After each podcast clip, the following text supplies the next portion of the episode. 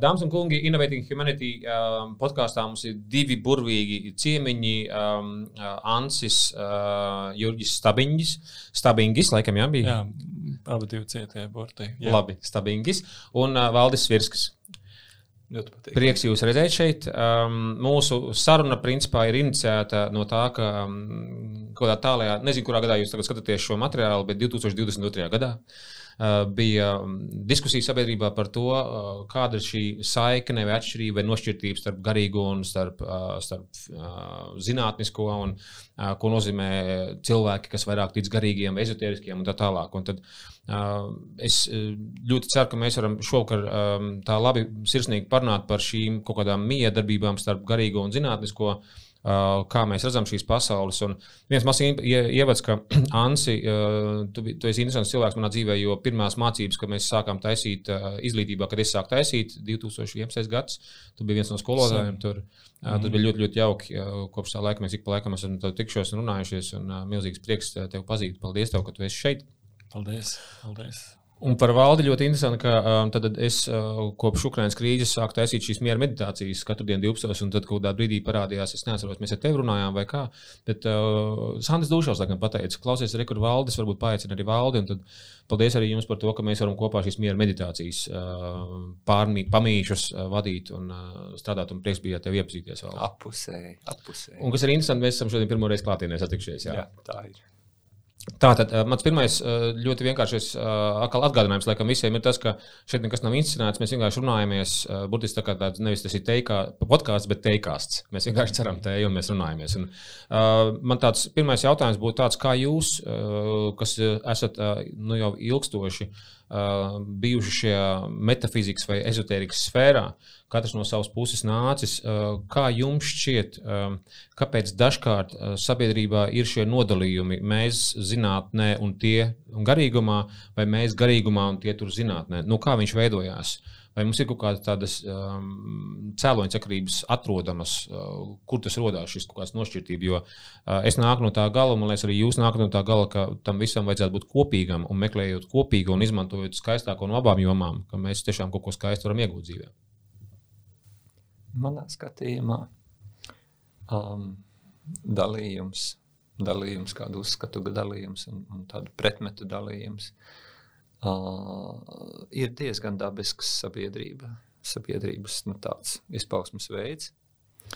Pie tam man liekas, ka tas ir diezgan stihisks, un, lai gan te ir runa par intelektuālām, zinātniskām vai citām lietām, lielā mērā tas ir stihisks, tātad neapzināts.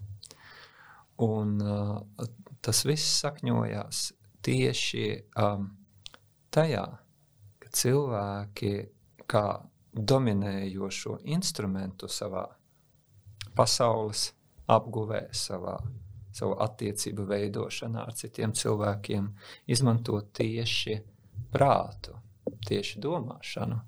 Un starp šo domāšanu un uh, empātiju emocionālo inteligenci, iejūtību, nav līdzsvara. Šī situācija ir nobīdīta par labu prātam, prāta darbības un uztveres veids ir saistīts ar fragmentāciju un ar to, kā kaut kādas lietas mēs izdalām, mēs ņemam kaut ko līdzīgu maziem gabaliņiem no realitātes, un pēc tam klapējām viņas kopā, vai viņas sadarās vai nesadarās. Bet tā kopainas izjūta, viņa veidojās caur to, ko mēs nosaucam par sirdi, caur šo iejūtību. Un faktiski tad, ja man ideju fragmenti kļūst svarīgāki, vai es viņus vērtēju, savus spriedumus, savas domas, es vērtēju kaut kā vairāk, vai jūtu, ka tas ir svarīgāk nekā mana realitātes izjūta, jā, kaut kāds tāds realitāte, nu, tāds veselums, vienotums. Tad uz šīs bāzes, neatkarīgi no tā, vai tēma varētu būt par garīgumu zinātni, vai filozofiju un zinātni, vai mākslu un kaut ko vēl, vai politiskajām kaut kādām ideoloģijām, visu laiku būs uh, nu, veidojas tādas robustas sašķeltības formas, kur polarizējās kaut kādas pozīcijas intelektuālās, jā, un cilvēki tomēr sāk šos spriedumus, šo, šo, šīs struktūras, kuras veidojas intelektuālajā līmenī, um, uztvērt kā nu, savu identitāti ja, un bīdīt viņas uz priekšu. Ja. Un līdz ar to pārtrūkst nu, tās saiknes, tās iekšējās saiknes, cilvēciskās saiknes, iejūtības saiknes, mīlestības saiknes un tā tālāk. Jo caur sirdi es jūtu veselumu.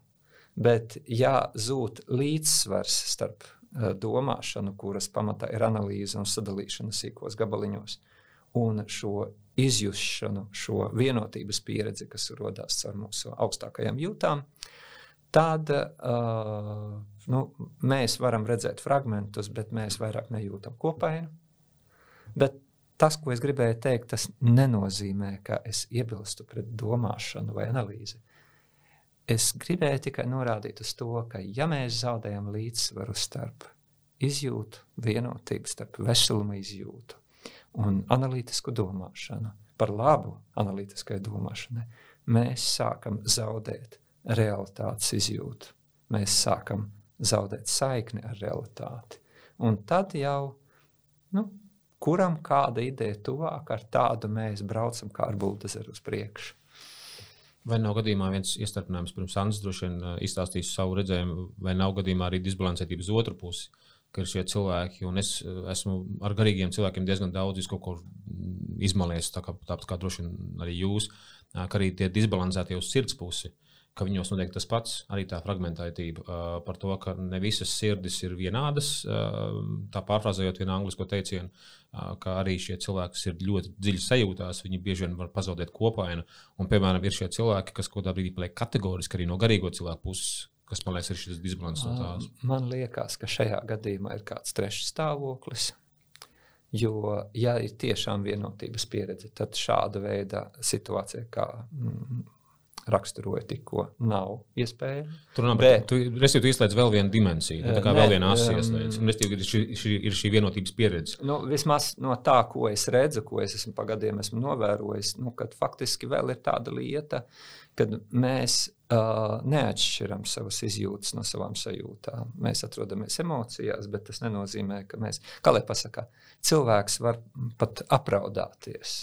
Jā, emocionāls būtu ļoti, bet būtu vienaldzīgs reāli viņam nav šīs iekšējās. Tad, izjūtas. Lai mēs, lai mēs mm -hmm. to mhm. etimoloģiju vai semantiku saprastu, tad mēs runājam, emocijas ir impulsivitāte, vairāk jau tāds stihiskais jā. un sajūtas, izjūtas ir kaut kas augstāks, nosacīt augstākos līmeņos. Es varētu varbūt pateikt tā, ka, nu, kā es lietoju, nu, tā, ka sajūtas ir saistītas ar mūsu ķermeni un ar mūsu instinktīvu emocionālo dabu.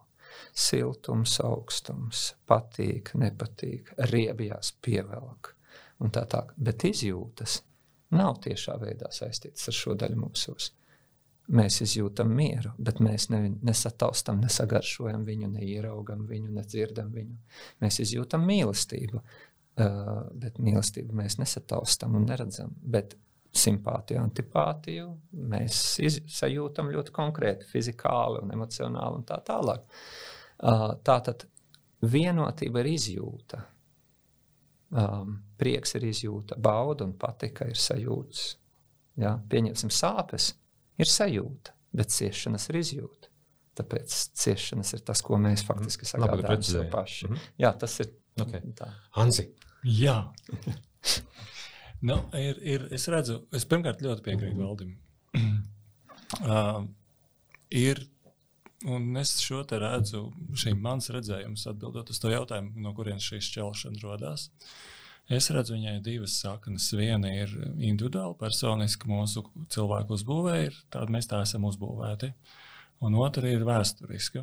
Un tā, tā individuāla, personiskā mūsu, kas balstās mūsu uzbūvē dizainā, ir tas, ka mums ir nepieciešams prāts, prāta raksturoja, lai izdzīvotu. Lai izdzīvotu, mums ir nepieciešams prāts. Un tagad viens no prāta raksturojumiem vai prāta īpašība ir izšķirt spēju, spēju atšķirt. Kas ir dzerams, kas nav dzerams, kas ir ēdams, kas nav ēdams, kas ir mūsējie, kas ir svešie, kas ir draudzīgie, kas ir bīstami. Ja es to neatšķiru, tad es kā būtne izdzīvot nevaru. Līdz ar to evolūcijas ceļā izdzīvot tās būtnes, kuras labāk spēj izšķirt lietas. Un tā ir Ass prāts ir prāta kvalitāte, un mēs visi gribētu asu prātu. Bet ass prāts ir kā nāzis. Viņš var tikai dalīt, viņš var tikai griezt, viņš var tikai nošķelt, viņš var tikai nu, nodalīt vienu no otra. Un, un līdz ar to šī dalīšana notiek. Un visa zinātnē, ja paskatās, tad visu laiku ir dalīta vairāk un vairāk, dziļāk un dziļāk, smalkāk un smalkāk, precīzāk un precīzāk. Tas ir prātās un rādītājs. Un, un no vienas puses tas ir ļoti labi, pateicoties tam, mums ir visas tehnoloģijas un viss komforts. No otras puses, ja mēs ar šādu asu instrumentu mēģinām kādu samīļot, kādu iekļaut, kādu ietvert, tas vienkārši nav iespējams tehniski. Tas ir, ir viena lieta. Un tā šķelšana līdz ar to arī ir, ir tā, ka zinātne ir lielā mērā, nu, bija tas Rolo Meijs, kurš runāja par tiem mītiem un lielajiem mītiem, kas ir miruši. Ja, tur bija zinātnes mīts un, un, un, un, un, un reliģiskais mīts, ka vienkārši nu, viņi ir izgāzušies, ka, ka reliģija solīja mums debesu svētlēm, mieru un harmoniju, un viņi to nespēja sniegt. Ja, tagad, uh, zinātnē to soli. Un, un, it kā arī nespēja. Viņi mums spēj sniegt komfortu un spēj lidot. Mēs varam lidot kosmosā un, un, un izārstēt tur visādi zāles un visu kaut ko. Slimības, zāles visādām slimībām, atrast, izārstēt slimības. Un, un, un tas cer, cerība ir tāda, ka viņa nu, fundamentāli zinātnē atrisinās visas cilvēces problēmas. Un mēs redzam, ka tas tā nenotiek. Nu, tas ir nākošais, kad seko aplausiens zinātnē, un tad līdz ar to mēs ejam atpakaļ. Bet tas jau ir uz priekšu mazliet. Bet otra vēsturiskā, šī, šī ir pirmais iemesls, tas ir individuālais. Vienkārši mūsos iekšā ir šis mūsu ir intelekts. Ja mēs, jo mēs vairāk paļaujamies uz intelektu, jo vairāk mēs zaudējam saikni ar dzīvi. Jo dzīve ir ietveroša, nevis šķeļoša. Uh, otrs iemesls, kur šī šķelšana izpaudās kultūriski, vēsturiski, tas ir klasiski mēs kā rietumu Eiropas produkts. Tas ir viduslaika kristīgā baznīca. Kādreiz baznīca bija lielā teikšana, viņa bija karalis un baznīca, bija divi valdnieki, divi nu, dupols, jā, zinātne kā tāda vēl neeksistēja. Un tad sāka parādīties zinātne, pirmie zinātnieki. Viņi gribēja pētīt pasauli. Un baznīca uzreiz tā kā baigi, paga, paga, kas te notiek, jā? vai, vai tik nenotiks kaut kas, vai jūs neapdraudat mūsu eksistenci. Un zinātnieki bija gudri. Viņi saka, nē, mēs neapdraudam, mēs jau tikai to matēriju pētām. Tas gars paliek pie jums, tas ir drošībā. Jūs varat atslābt. Jā? Mēs jau matērija, nu labi. Jā, nu labi. Un tad to pirmo Jordānu Bruno tur nodedzināja, jā, bet visus pārējos jau, nu, ok.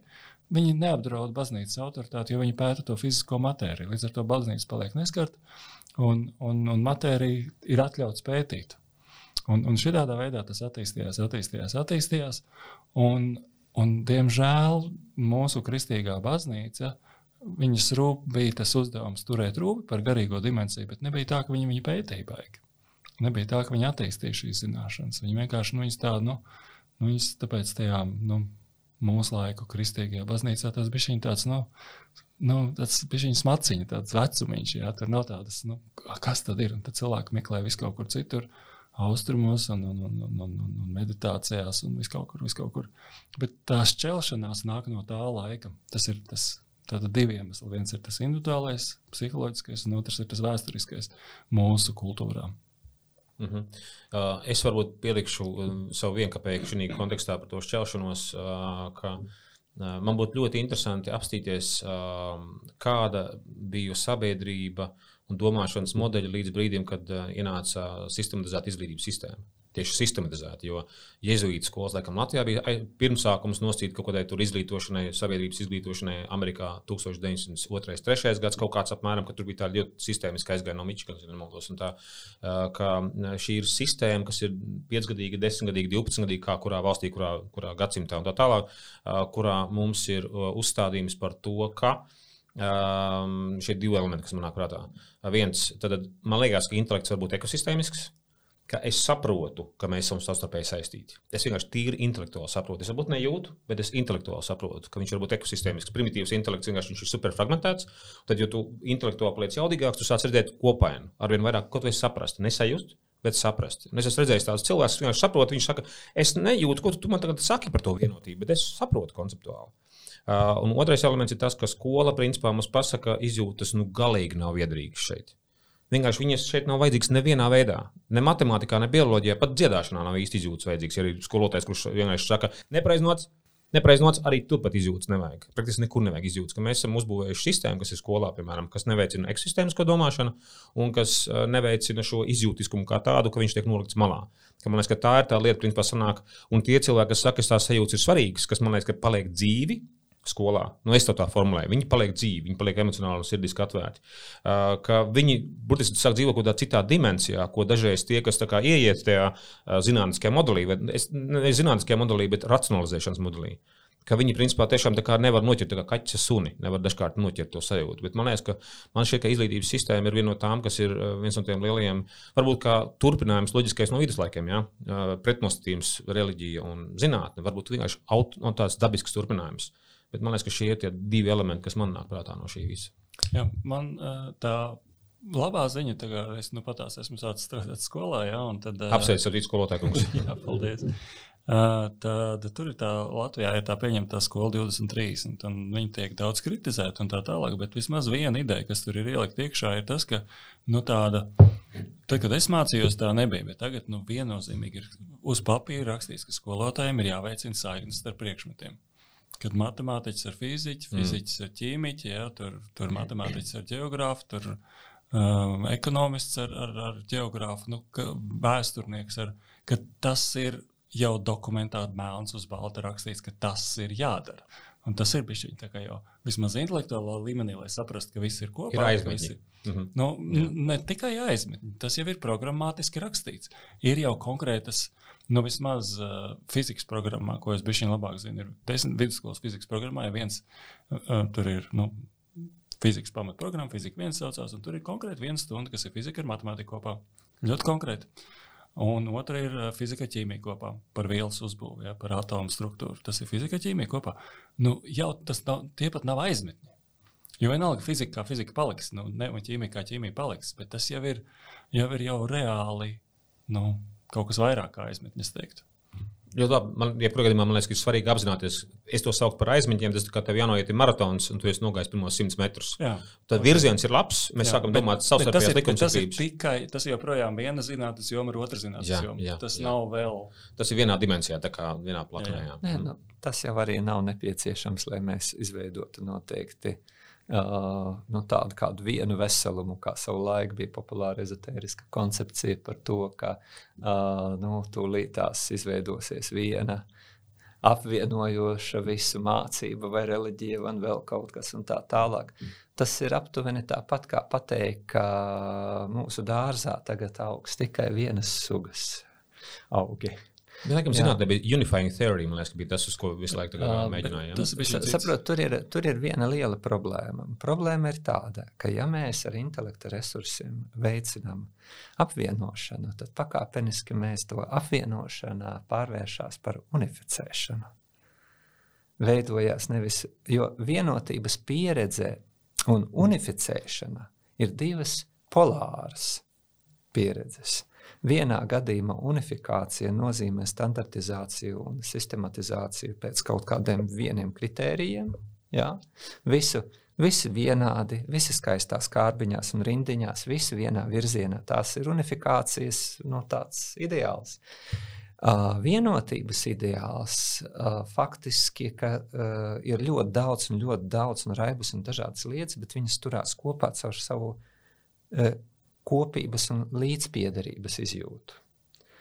Un faktiski tas, kas um, varētu būt mūsu nākotnes izaicinājums un arī mūsu nākotnes ceļš, tā ir virzība uz šo intuitīvo izjūtu kopveselumu pieredzi, caur viņu kultivēšanu, kas dažkārt sākās ar sarunām par patriotismu, ar sarunām par vēl kaut ko cilvēku mīlestību, bet aiz tām daudzajām atsevišķām koncepcijām tomēr um, es jūtu nu, šo uh, būtiskāko momentu, tātad um, kopsakarības pieredzi, ko cilvēks izjūt. Jā, kopības pieredze, vienotības pieredze, kurā uh, nepretendē uz nolīdzināšanu, citādā nolīdzināšanu, bet uz vienotību ar, ar dažādu citādu, uz, uz radniecības, iekšējās tuvības izjūtu, neatkarīgi no tā, un arī uz pieņemšanu, jā, kas ir pamats tiešām pilnvērtīgai eh, transformācijai, pilnvērtīgam dialogam, pilnvērtīgai sarunai. Tā ir empātiska, jā, cieņpilna pieņemšana, kas ir tomēr ne tikai kaut kas, ko mēs varētu sagaidīt, nu, kā, kā, kādu brīnumu no augšas, bet kas ir arī daļēji. Pilnīgi noteikti, nu vismaz daļēji pilnīgi noteikti ir iespējams kultivēt caur izglītības sistēmu, caur tām vērtībām, kuras manifesto 2000, es atceros UNESCO to manifestu miera kultūra. Mēs mūsu sabiedrībā, lai kāda būtu tagad situācija un kādi notikumi, mums ir jārunā, ko nozīmē miera kultūra. Jo miera kultūra nozīmē savstarpējās cieņas, sapratnes un daudz citu īpašību klātbūtnes kultūru, nevis tikai to, ka neviens nekaro savā starpā. Un uh, runāt, atgriezties pie tā, kas jau 22 gadus atpakaļ bija pateikts un kaut kur atstāts novārtā, es domāju, ļoti aktuāli. Bet vēl viena lieta, ko es gribēju tas ir Anri Bergsons. Uh, franču filozofs 20. gadsimta sākuma dzīves filozofijas pārstāvis, un viņa izcilais darbs - radošā evolūcija. Tas bija 20. gadsimta sākumā uzrakstīts, un iespējams par to darbu, un vēl laikam par kādiem darbiem viņš bija saņēmis Nobela prēmiju literatūrā 20. gadu beigās, ja nemaldos. Un tas ir vienīgais autors, filozofs, kurš saņēmis Nobela prēmiju par filozofisku traktātu kā balvu literatūrā. Tas ir tāds interesants moments. Kāpēc es viņu pieminu, kāpēc es uzskatu, ka pienācis laiks par viņu atcerēties un vismaz iedvesmoties no atsevišķām viņa idejām? Viņš runā par to, kā dzīve kopumā evolucionē, un šī evolu, šīs evolūcijas eh, pakāpieni ir visnotaļ skaidri un samanāmi. Intelekts uh, ir vidējais pakāpiens, kur mēs nonākuši esam tagad, bet pirms tam ir instinkts. Instinkts intelekts, un tālāk viņš runā par intuīciju. Protams, uh, varbūt šis intuīcijas vārds var būt izmantojams arī ar kaut kādu šo izjūtu. Izjūta vai, vai šī emocionāla, vai intelektuālā, vai, vai ētiskā intuīcija, vai arī vienkārši sirds izjūta, pieņemsim, vai sirds, sirds viedums, ja mēs literārāku vārdu izmantojam, jo galu galā filozofija, paldies Dievam, izmanto ne tikai zinātnisku, bet arī literāru valodu, lai runāties par kādiem jautājumiem. Tāpēc es atļaujos gan tā, gan tā pateikt. Bet, uh, ja mēs paskatāmies no perspektīvas, kā uh, Bergsons to rāda, viņš runā par to, ka pieņemsim, intelekts paceļās kvalitatīvi citā līmenī nekā instinkts. Instinkts ir stihisks, automātisks un akls. Intelekts kļūst redzīgs, bet intelekts ir mehānisks. Jā, un arī tas, ko Ansis teica jā, par šo intelektam raksturīgo teiksim, orientēšanos uz realitātes dalīšanu, fragmentēšanu. Jā. Un jūs varat izmantot jebkuru trauku vai vēl kaut ko, ko jūs, kā saka, sagriežat, sadalāt, salaužat. Un tad, ja jūs mēģināsiet viņu salikt atpakaļ, viņa vairāk nekad nebūs tāda, kāda, kāda viņa varēja būt pirms paša sākuma. Tur vienmēr būs kaut kas mazāk. Jā, tāpēc uh, jau uh, trešajā gadsimtā, mūsu eras trešajā gadsimtā Romā, Plotīns, filozofs, neoplatonisma aizsācējs, viņš runāja par to, ka pašas būtu, nu, teiksim, uh, esamības pamats nav izzināms ar domāšanas starpniecību. Kāpēc? Tāpēc, ka domāšana var izzināt kaut ko saliktu no gabaliņiem, kur mēs skatāmies pa lietām. Viens aspekts, otrs aspekts, trešais. Bet tā frāze, kas man joprojām vienmēr iedvesmo, kad es viņu dzirdu, bet ko tu vari domāt par lietām, kas ir absolūti vienkāršas? Tur nav iespējams, bet to mēs varam izjust un piedzīvot. Tas nozīmē, ka šis ir izaicinājums, kas ir gan ezotērikai, gan zinātnē. Viņām abām ir viens un tas pats izaicinājums. Jo bieži vien uh, intelektuāli instrumenti dominē, vai, vai kādi tehnoloģiskie instrumenti do, var, var sākt dominēt pār, par šo ētisko pozīciju, par šo iejūtību, par cilvēku mīlestību. Un šī uh, mīlestības apziņa, šī, šī mm, iejūtības vērtība, šī labvēlības, labās gribas um, kultūra, ja viņa kļūst apzināta, ja viņa kļūst apziņotības centrā, jā, tad viņa piešķir iespēju pārvērtēt gan tehnoloģiski, gan, gan komunikāciju ar cilvēkiem, gan arī to, kādā veidā mēs vēlamies vai kādā veidā mēs varam veidot cieņpilnāku sabiedrību. Jo, ja mēs vienkārši lamāsimies, Ja mēs vienkārši teiksim, tu esi šitāds, vai tu esi tāds, vai tu esi nodevies ne, ne, nesaprotami kam, vai tu esi pārņemts ar vēl kaut ko, kāda veida cieņpilna sabiedrība mēs varam šādā veidā izveidot, kritizējot un atmaskojot, bet nemīlot, nekas nesanāks. Interesanti par šo intelekta fragmentāciju, kur es momentāli piekrītu, ka tas ir tas intelekta būtība, mums, liekas, tādā ziņā, ka mēs esam tāda būtne ar diviem evolūcijas atzariem. Nu, gan ir... spēcīgā, gan spēks un trūkums vienā punktā. Nu, man liekas, ka viss, kas ir spēks, ir arī mīnus. Atkarībā no kura leņķa, no kuras puses mēs skatāmies uz lietām dzīvē. Ka, ka man visu laiku ir šī tāda eh, dīvaina lieta par šo kā, attīstības skalu, ka ir zems jutīgums nosacīt vai zems, zema līmeņa iejūtība. Nu, nu, vāja iejūtība, vājas iejūtība. Vai es pat var, varbūt teiktu, ko jūs sakat par jēdzienu egoistiska iejūtība?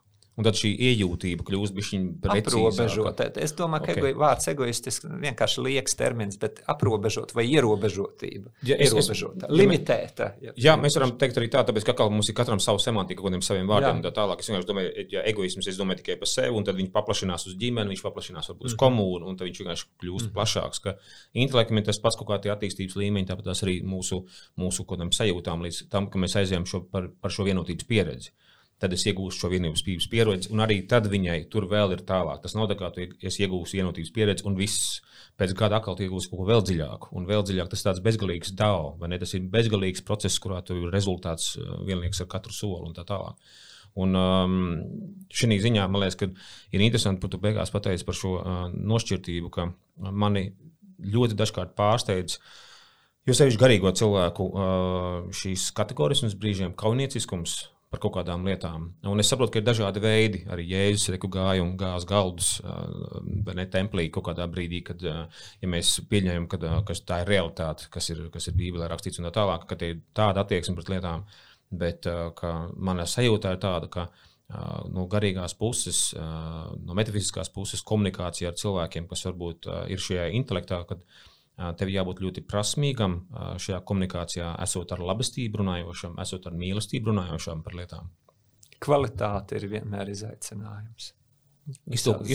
Šeit vārdu kvalitāti, kā tu to saproti? Es domāju, tad, kad mēs varam kvalitāti šeit, šajā gadījumā priekš manis spēja īstenot labāko, labāko no tā, ko tu piedzīvo, izjūti un saproti uz doto brīdi, kā kā labāko to, uz ko vajadzētu orientēties un tā tālāk.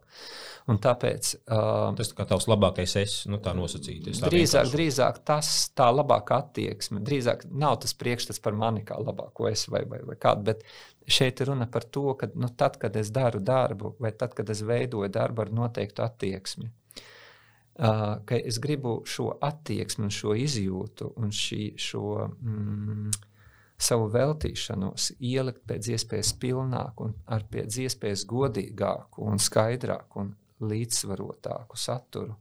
Un tādā ziņā kvalitāte ir izaicinājums, tāpēc ka ja, arī garīgums ir izaicinājums, tāpēc ka nu, ir grūti pacelt. Tas nozīmē kāpšanu kalnā. Tas ir tiešām tā, tāpēc dod dieviņa kalnā kāpt. Tā ir tāda ļoti nenokalna mm, līnija, kas ir viegli un ļoti patīkama. Tas ir izaicinājums, jo paskatieties, ja tu gribi mācīties, tas nozīmē, tu esi nobriedis mainīties. Ja tu tiešām kaut ko iemācies, tu izmainies. Ja tu gribi augt un paplašināt savu uztveri par lietām un tā tālāk, tas nozīmē, ka tu pieliec savas labās gribas piepūle vienmēr, kas attiecās par to, ko um, tu tikko minēji. Par kategorismu, kādu vai, vai pieņemsim, sakāpinātām emocijām. Tur ir jāskatās divas lietas. Vai, tā, vai tam, tam cilvēkam tas gadās nu, tā par etam, vienkārši tāpēc, ka viņš vienkārši pilnībā sevi nespēja savākt kādā brīdī, vai to var pamanīt kā konsekventu pozīciju. Ja tā ir konsekventa pozīcija, tad mēs nevaram šeit runāt vairāk par garīgumu šeit ir drīzāk um, uh, garīgās pieredzes aizstāšana ar intelektuālu koncepciju par garīgām vērtībām. Citiem vārdiem sakot, cilvēks nevis piedzīvo kādas garīgas vērtības, nevis dzīvo ar viņām, nevis viņas izjūt, bet viņam ir labi izveidots nu, tāds uh, spoguļu namiņš. Prātā, ja, tāds konstrukts par garīgumu, par dievu, par garīgām vērtībām, par ētiskām vērtībām un tā tālāk. Un viņš vadās no idejām, nevis no izjūtas. Jo šīs visas nozīmīgākās garīgās īpašības līdzcietība, prieks, miers, mīlestība, labestība, pacietība, patiesums, um, vienotības, pat laimes, un gandarītības un, un piedošanas. Viņas visas ir izjūtas. Tas viss ir izjūtas, ne sajūtas, tieši es pasvītroju, bet izjūtas. Un, ja es sāku vadīties nevis pēc savas īpašības izjūtas, kas faktiski gandrīz vai katru reizi atkal no jauna un no jauna ir jārestartē ar savu ikdienas praksi, Jā, bet es sāku vadīties no atmiņām par savām izjūtām, no kaut kādām idejām par savām izjūtām, no idejas par dievu, pieņemsim, no idejas par taisnīgumu, no idejas par demokrātiju, par saskaņu, par vienotību un vēl kaut, kaut kādas lietas. Uh, patiesībā sakot, čauliņa paliek, bet satura vairāk nav. Un es varu, varu pat būt tādā situācijā, ka es dotajā brīdī man nepieliec, ka satura vairāk nav, ka paliec tikai papīrītis. Es atceros, es atceros vienu stāstu par viens cilvēks stāstīja. Viņam bija tāda ļoti, ļoti bez uzbrauciena kristiešiem, jā, bet ļoti, ļoti kristīgi, ticīga mamma, kur, kur kā, nu, viņi tur skatījās televizoru un, un katru dievkalpojumu, katru svētdienu un tā. Un, Viņi skatās, un tad tur kaut kāds mazbērns tur kaut ko čīkst un pīkst. Un viņi tā skatās, to dievkalpojumu tik apgarot, un tas mazbērns uzbrēc viņam un atkal skatās dievkalpojumu. Jā.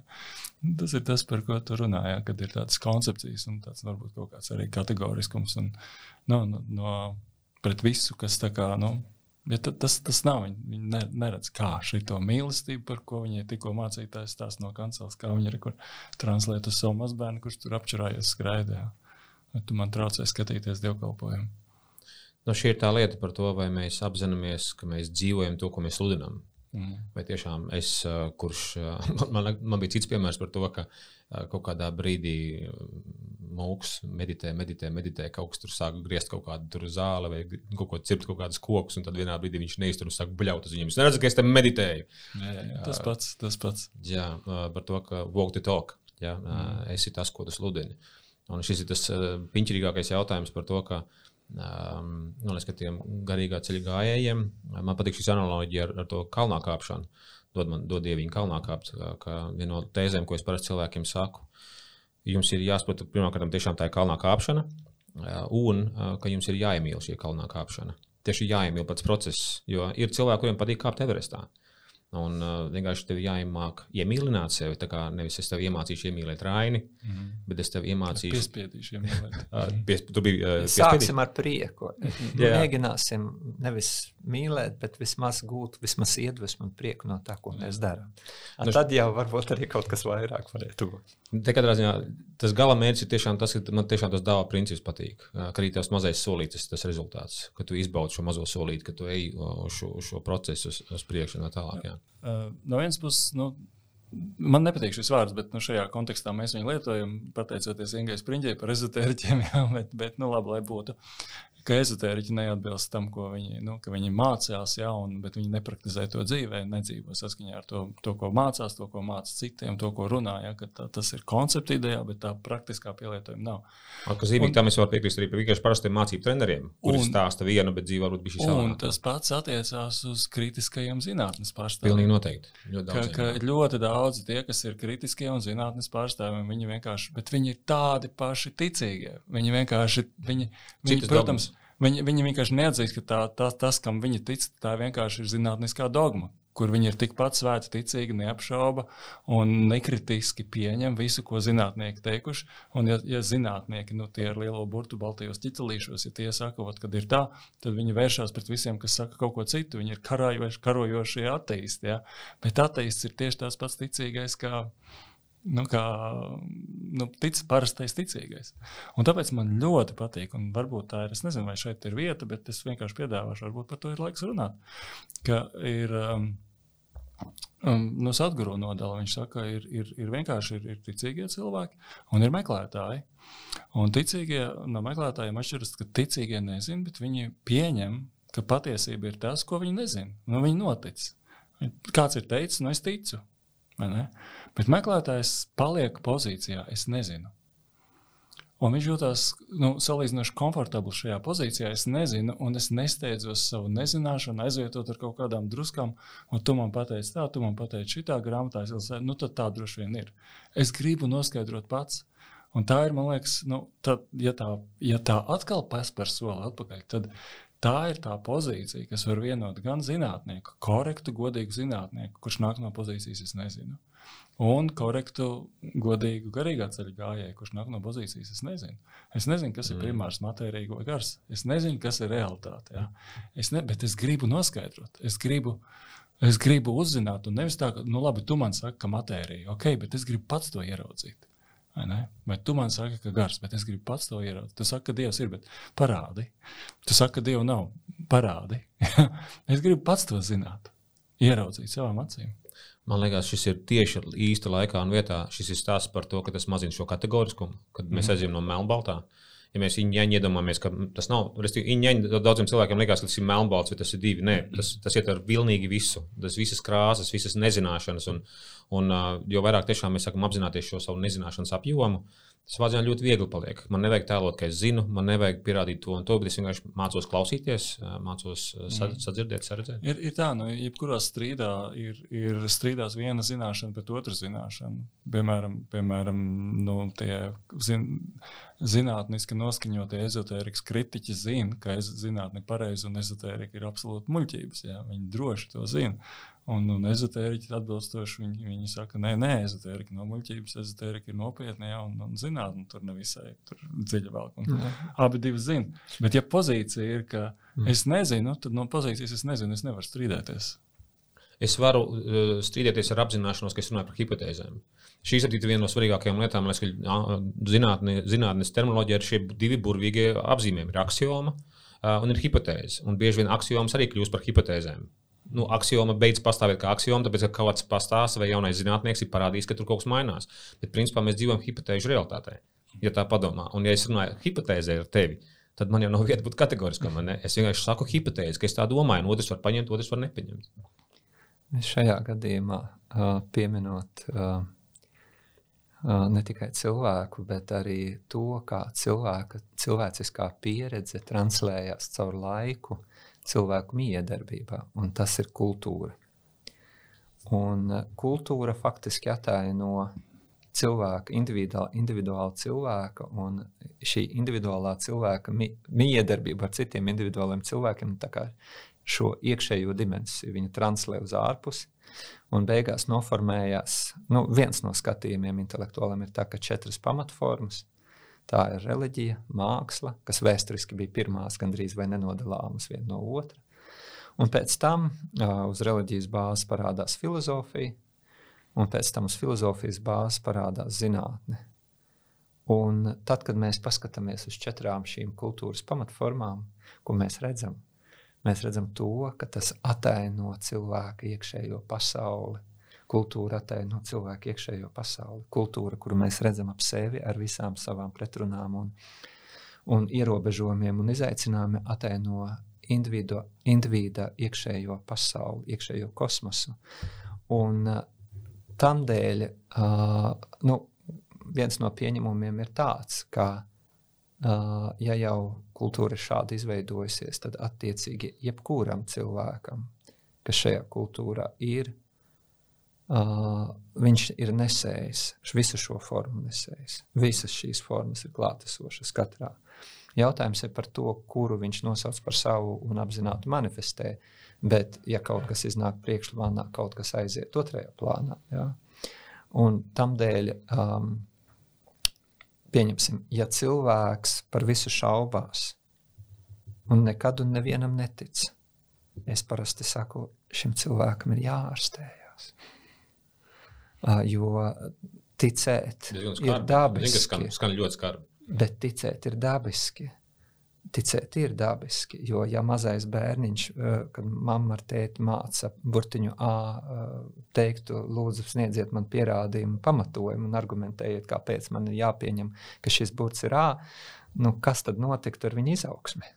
Kur tad mēs nonāktu? Alfabētam iziet līdz 12. klasē cauri? Es nezinu, vai tas būtu iespējams, bet jebkurā gadījumā svētais Augustīns kas bija viens no savu laiku izcilākajiem intelektuāļiem, tāpat kā Svētais Akvīnas Toms. Es šeit gribēju pieminēt to kristietības pasauli, kura ir ārkārtīgi izcila atsevišķos aspektos, jā, noteikti cildināma.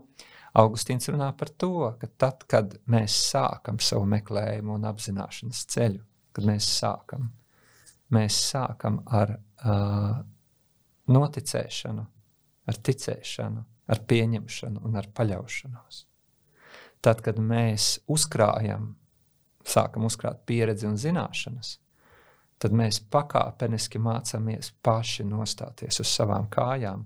Un tālāk Augustīns arī saka, ka priekš cilvēka, kurš ir um, nu, ceļa sākumā vai maz izglītots vai maz zinošs, vai tikai sāk mācīties, viņam piestāv ticēt. Tas ir normāli. Un priekš cilvēka, kurš jau ir izgājis noteiktu ceļu, viņam piestāv saprast un zināt, nevis vienkārši paļauties un ticēt. Bet gan ticēšana, paļaušanās, gan zināšana un analīze, viņas ir šīs veselās iekšējās pasaules būtiskas daļas, kura neviena nevar būt nošķirta, nevar nodalīt. Ja sabiedrībā parādās tendences, kad mēs mēģināsim aktīvi apkarot ticēšanu, jā, tad uh, nu, būs mājiņticēšana, ticēšanas vietā. Būs kaut kādas citas formas, deformētas formas un tā tālāk, jo reāli mums ir jārunā un mums ir jāpievērš uzmanība tam, kādi ir tie labākie un īstākie paraugi. Ja mēs runājam par to principu, vai tas bija Nīla Bora izvirzītais princips, es tagad papildinātības princips. Jā, jā, jā. Es tagad pēkšņi, pēkšņi piemirsās. Bet labi, papildinātības princips. Nu, tas nozīmē, ja tu pieņemsi, mēģini tagad uh, tavuprāt atspēkot un apgāst jā, nu, kaut kādas nelāgas lietas kādā jomā, pieņemsim uzņēmē darbības un finanšu sektorā, ezotērikas sektorā, politiskās aktivitātes sektorā Uh, nu, labi, tu parādīsi, kādas tur ir negatīvas lietas, un tā tālāk, un tu parādīsi, kādas šausmas kaut kur var notikt. Bet tikai tad tu būsi pa īstam nu, kvalitatīvs parādītājs vai atklājējs, un tā tālāk. Ja tu parādīsi arī virsotnes, pozitīvās un labākos sasniegumus, kas ir saistīti ar šo sfēru, ar šīm izpausmēm un tā tālāk, tev tad būtu jāparāda abi poli, nevis tikai viens. Jo, ja tu rādi tikai vienu, tad tu nepalīdzi saprast. Tu tiešām nepalīdzi saprast. Tu vienkārši nu, no, no idealizēšanas uz šausmināšanu, no šausmināšanas uz idealizēšanu. Mēs tā arī nepietuvojamies pie kaut kādas normālas pieņemšanas un, un to un pieņemšanas un izpratnes par to, nu, kā gadās visādi.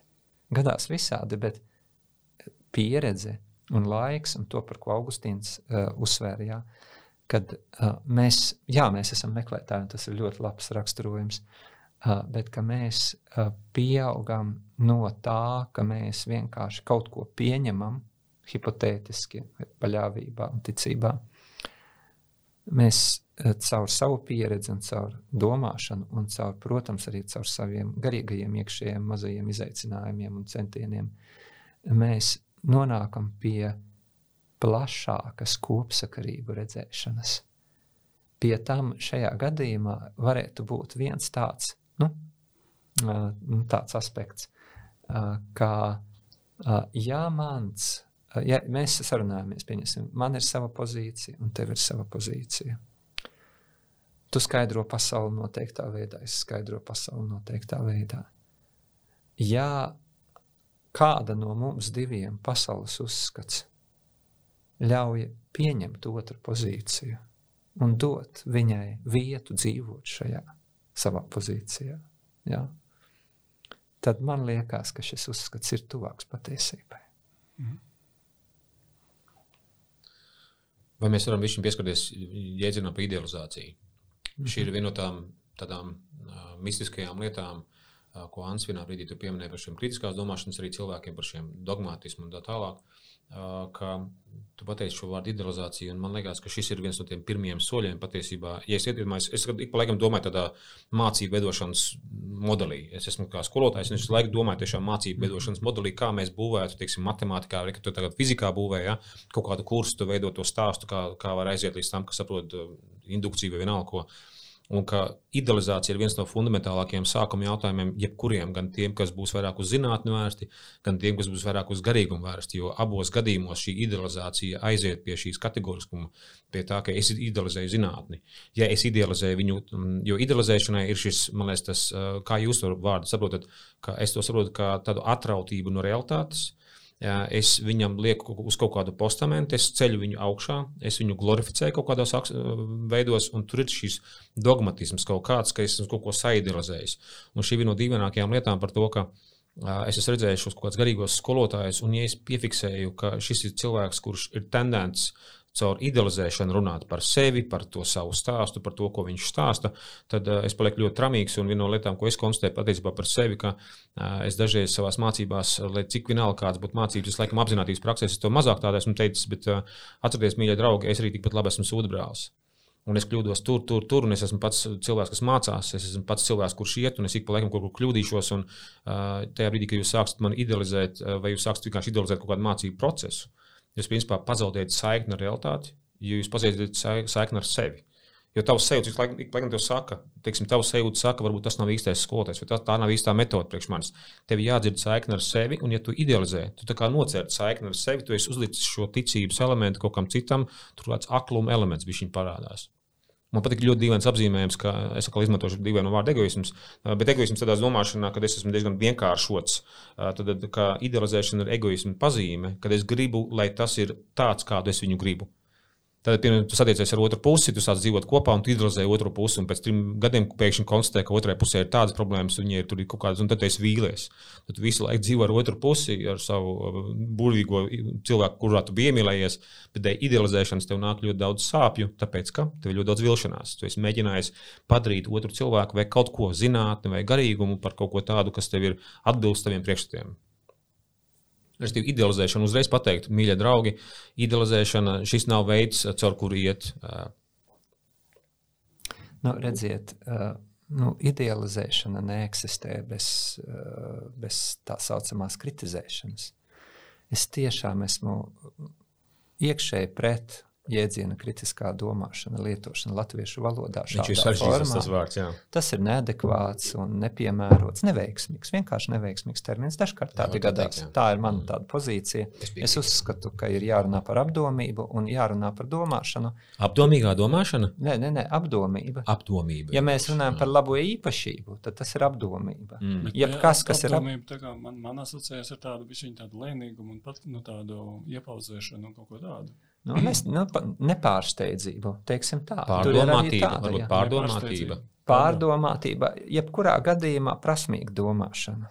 No, prasmīga domāšana ir pozitīva. Starp citu, prasmīga domāšana. Prasmīga. Es piedāvāju šādu risinājumu. Tas ir, es laikam vakar par to tieši domāju. domāju. Vakar tu tieši par to domāji. Jā, jā, tu ne, mēģināji prasmīgi domāt. Darba lieta, jā, okay, kā formulēt. Okay. Viens no maniem darba pienākumiem, tomēr es arī pasniedzu filozofiju. Un, un tā tālāk. Es mēģinu atrast kaut kādus veidus, kā pateikt, kā formulēt, nu, kā izvairīties.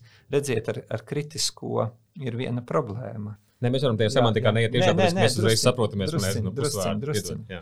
Jā, drusciņ. Kad uh, šajā gadījumā mēs, mēs faktiski pārvēršamies par vainu meklētāju, trūkumu meklētāju. Kritiskā pieeja sverās, mm kā, un visiem gribās attaisnot, ka tas tā nav, bet visi cilvēki tomēr kaut kā jūt, ka tur tomēr tas ir, un tad, kad sāk darīt, mm. tad parasti tas arī parādās. Uh, Mūsu selektīvā uztver ieved šī kritiskajā elementā. Jā, jā, jā, jā. un uh, tā tad uh, krit, krit, pieeja uh, meklēt trūkumus ja pārbaudītu uz trūkumiem, es uzreiz skatos uz kaut ko un saku, nu, kāds tad tur varētu būt trūkums? No nu, trūkuma, nu, kur tad ir tie trūkumi? Ja? Pati nostādne dažkārt atgādina, nu, ko tu meklēsi? Nu, to tu noteikti atradīsi. Ja tev pat ļoti, ļoti gribās, tu pat vari ieraudzīt nereālu trūkumu. Jā, bet idealizācija faktiski ir tieši tas pats process, tikai drusku pavērsts uz to, lai redzētu, pieņemsim, tikai kādas īpašības, kuras daļu īpašību, kura ļoti patīk, jā, un, un pārējais ignorēt, un, un pieņemsim, kritiskā pieeja bieži vien var nejauši noslīdēt uz to, ka tu redzi tieši tos trūkumus un arī viņus apraksti. Tā, tā.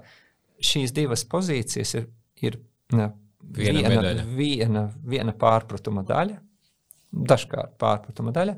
Un šī iemesla dēļ varētu teikt, tā, ka nav svarīgi, kādas brilles, rozā vai melnas brilles tu ņem. Nu, tev vajadzētu noņemt. Vai mēs varam hipotezēt par to, ka vienas medaļas abas puses, viena puse ir kritiskā domāšana, otra puse ir idealizētā domāšana? Tās ir viena medaļa un divas puses. Es domāju, ka aiz, jēdzienas kritiskā domāšana ir pietiekami komplicēts. Tāpēc var, es varētu teikt, tā, ka daļa no tā, ko, kas parādās kā kritiskā domāšana vai kritiskā pieeja, visnotaļ ir pretstats tam, ko mēs varētu nosaukt par to idealizāciju. Daļa, ne viss. Tāpēc, ka dažkārt to vienkārši mēģinājumu, nu, tādu sistemātiski kaut ko analizēt, mēģina nosaukt, nu, pētīt, ja tā pēt, pētnieciskā domāšana, jā, izvērtēt, paskatīties un tā tālāk. Tu nemeklē Pētnieciskā. vainas, tu vienkārši jā. mēģini Tas paskatīties. bija pētniecisks, ļoti skaists vārds, jā, Mhm, pētīt, mhm, mhm. meklējošā pētnieciskā. Jā, domāšana. prasmīga, pētnieciska. Jā. Tā jau arī ir. Nu, tu lūkojies, tu mēģini apskatīt no dažādām pusēm. Ja. Tavs Jā, bet- mērķis nav atrast kādas kļūmes vai vainas. Tev ir ierodīt kopumu. Jā. Jā. Bet es atceros, piemēram, piemēram nu, ir, ir kaut kur tāda ideja par nu, tehnoloģijās, tur, kur ir uh, kaut kāds vadības panelis, kurā ir visādas lampiņas. Ja? Un tad ir, nu, piemēram, automašīnas vai kuģi vai lidmašīnas. Nu, kaut kāds vienkārši man vajag vadīt sarežģītu mehānismu. Ja? Un, un ir, es tā ļoti aptuveni stāstīšu, jo es, tas bija ļoti, ļoti sen, kad es lasīju šos pētījumus. Ir tas pētījums, nu, tas, tas koncepts par melno paneli. Un melnais panelis, ja viņš ir melns, tas nozīmē, ka viss ir kārtībā. Un viņš iedegās tikai tad, ja kaut kas nav kārtībā. Tā tad tev jāpievērš uzmanība. Un, un tad es domāju, nu, piemēram, par tādu lidmašīnas inspektoru, kurš dod lidmašīnai akceptu pirms pacelšanās gaisā. Nu, viņam vajag meklēt trūkumus. Viņš, viņš iet cauri un skatās, vai ir kaut kur kaut kas, kas nav kārtībā. Un, ja viņš atrod kaut ko tādu, viņš saka, nē, šī lidmašīna nedrīkst pacelties. Trūkums jānovērš tikai tad viņi drīkst pacelties. Jā. Un, un tas ir viņa uzdevums, atrast nepilnības. Vai, teiksim, kaut kādā, kaut kādā nu, zāļu pētījumā. Jā, nu, tur vajag izpētīt visus. Visu, nu, tas zāle ir labi, tas zāle ir tas, tas zāle ir labi, šī to viņa labi dara. Bet vai ir kaut kas, ko mēs neesam pamanījuši, ko viņi dara sliktu? Un mums, kā pētniekiem, būtu pienākums to atrast. Un tad saprast, okay, vai ar šo slikto var rēķināties, vai drīkst laist, vai tomēr varbūt nedrīkst laist. Nu, kā šai- Ļoti es vispār esmu sajūsmā par tavu papildinājumu. Es pilnīgi ar abām rokām par un piekrītu. Pilnīgi, tas ir nepieciešams Ļoti visās jomās, jā, tieši, tieši trūkuma meklēšana.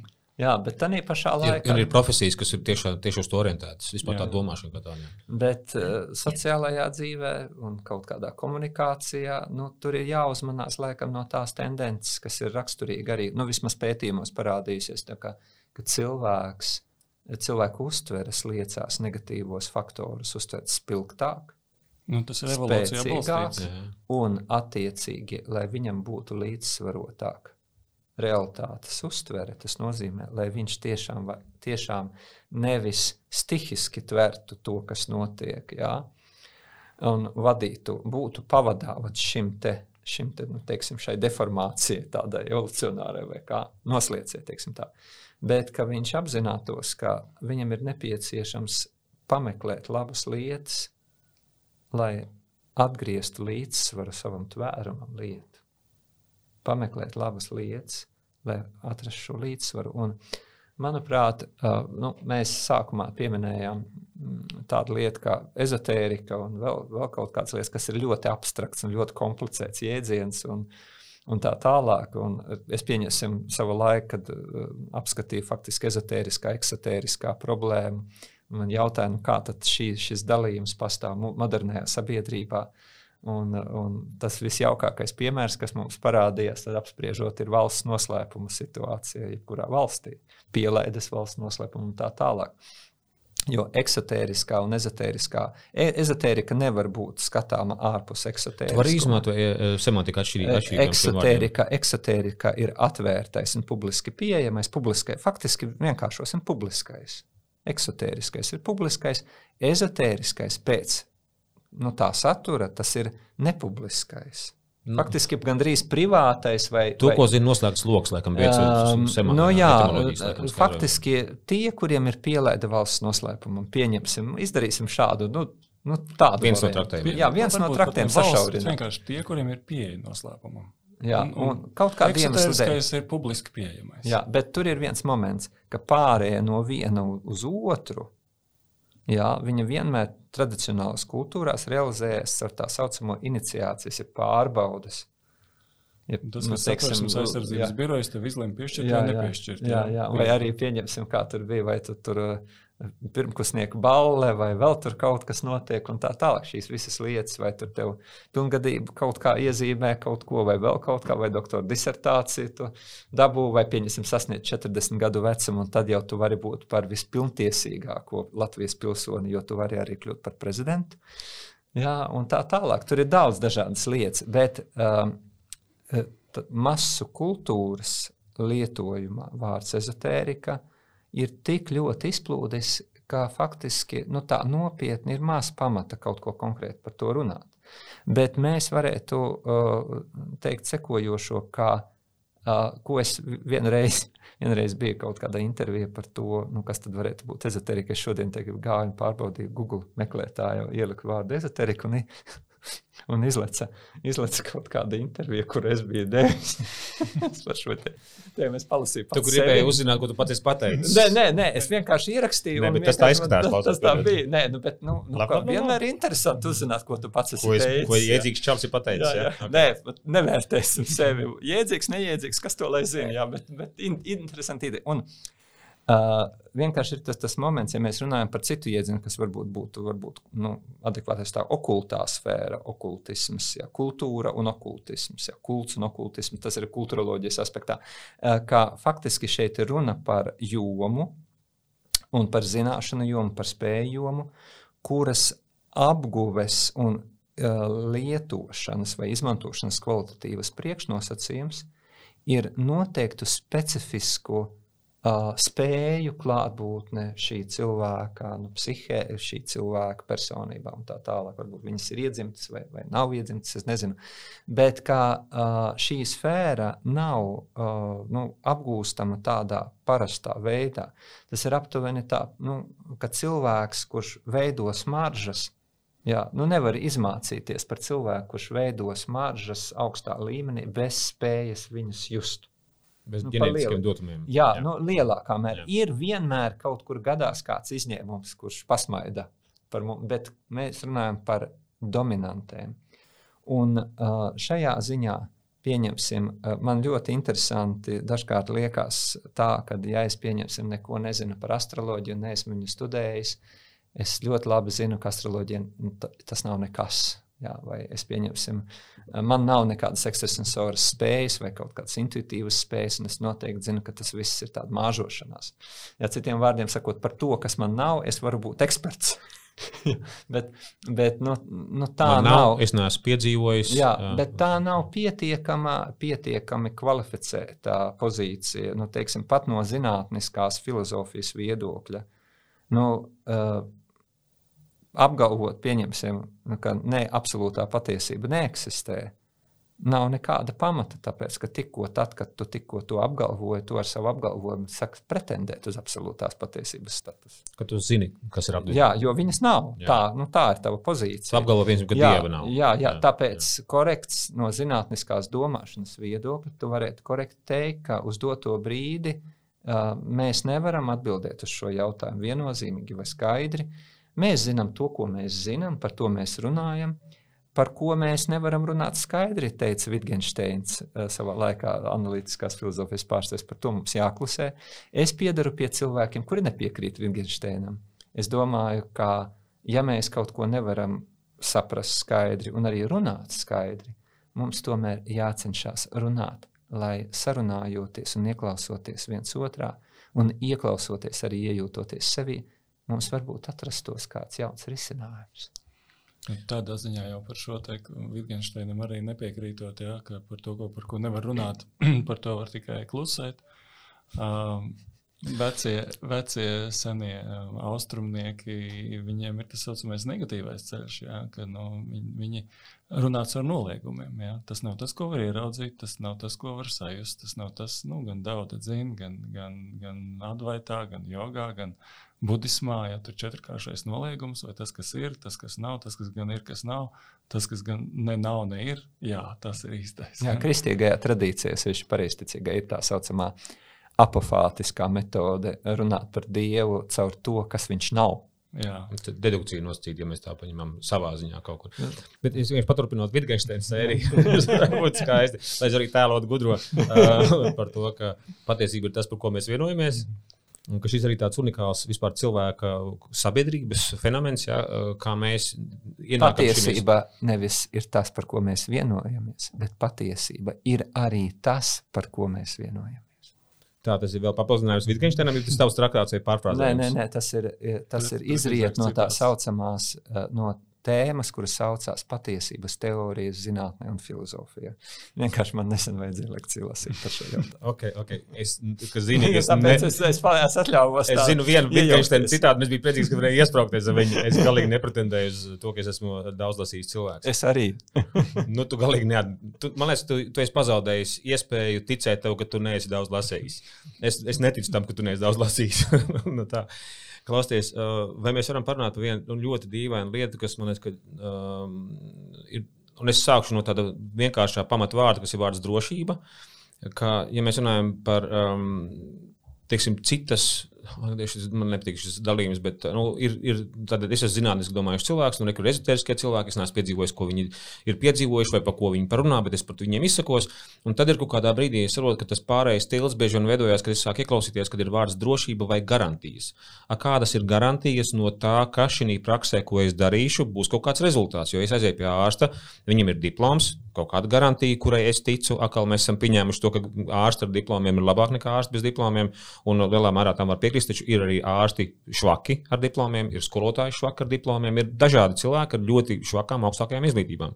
Bet ir vārds par garantijām, un šī ir viena no tādām, no tādām fenomenālām lietām, ka, uh, nu, ja mēs runājam par šo metafizisko pasauli kā tādu vai garīgo pasauli, uh, bezmazliet pamata premisa vai hipotēze, ka šī visā ir, ka tas viss ir subjektīvs.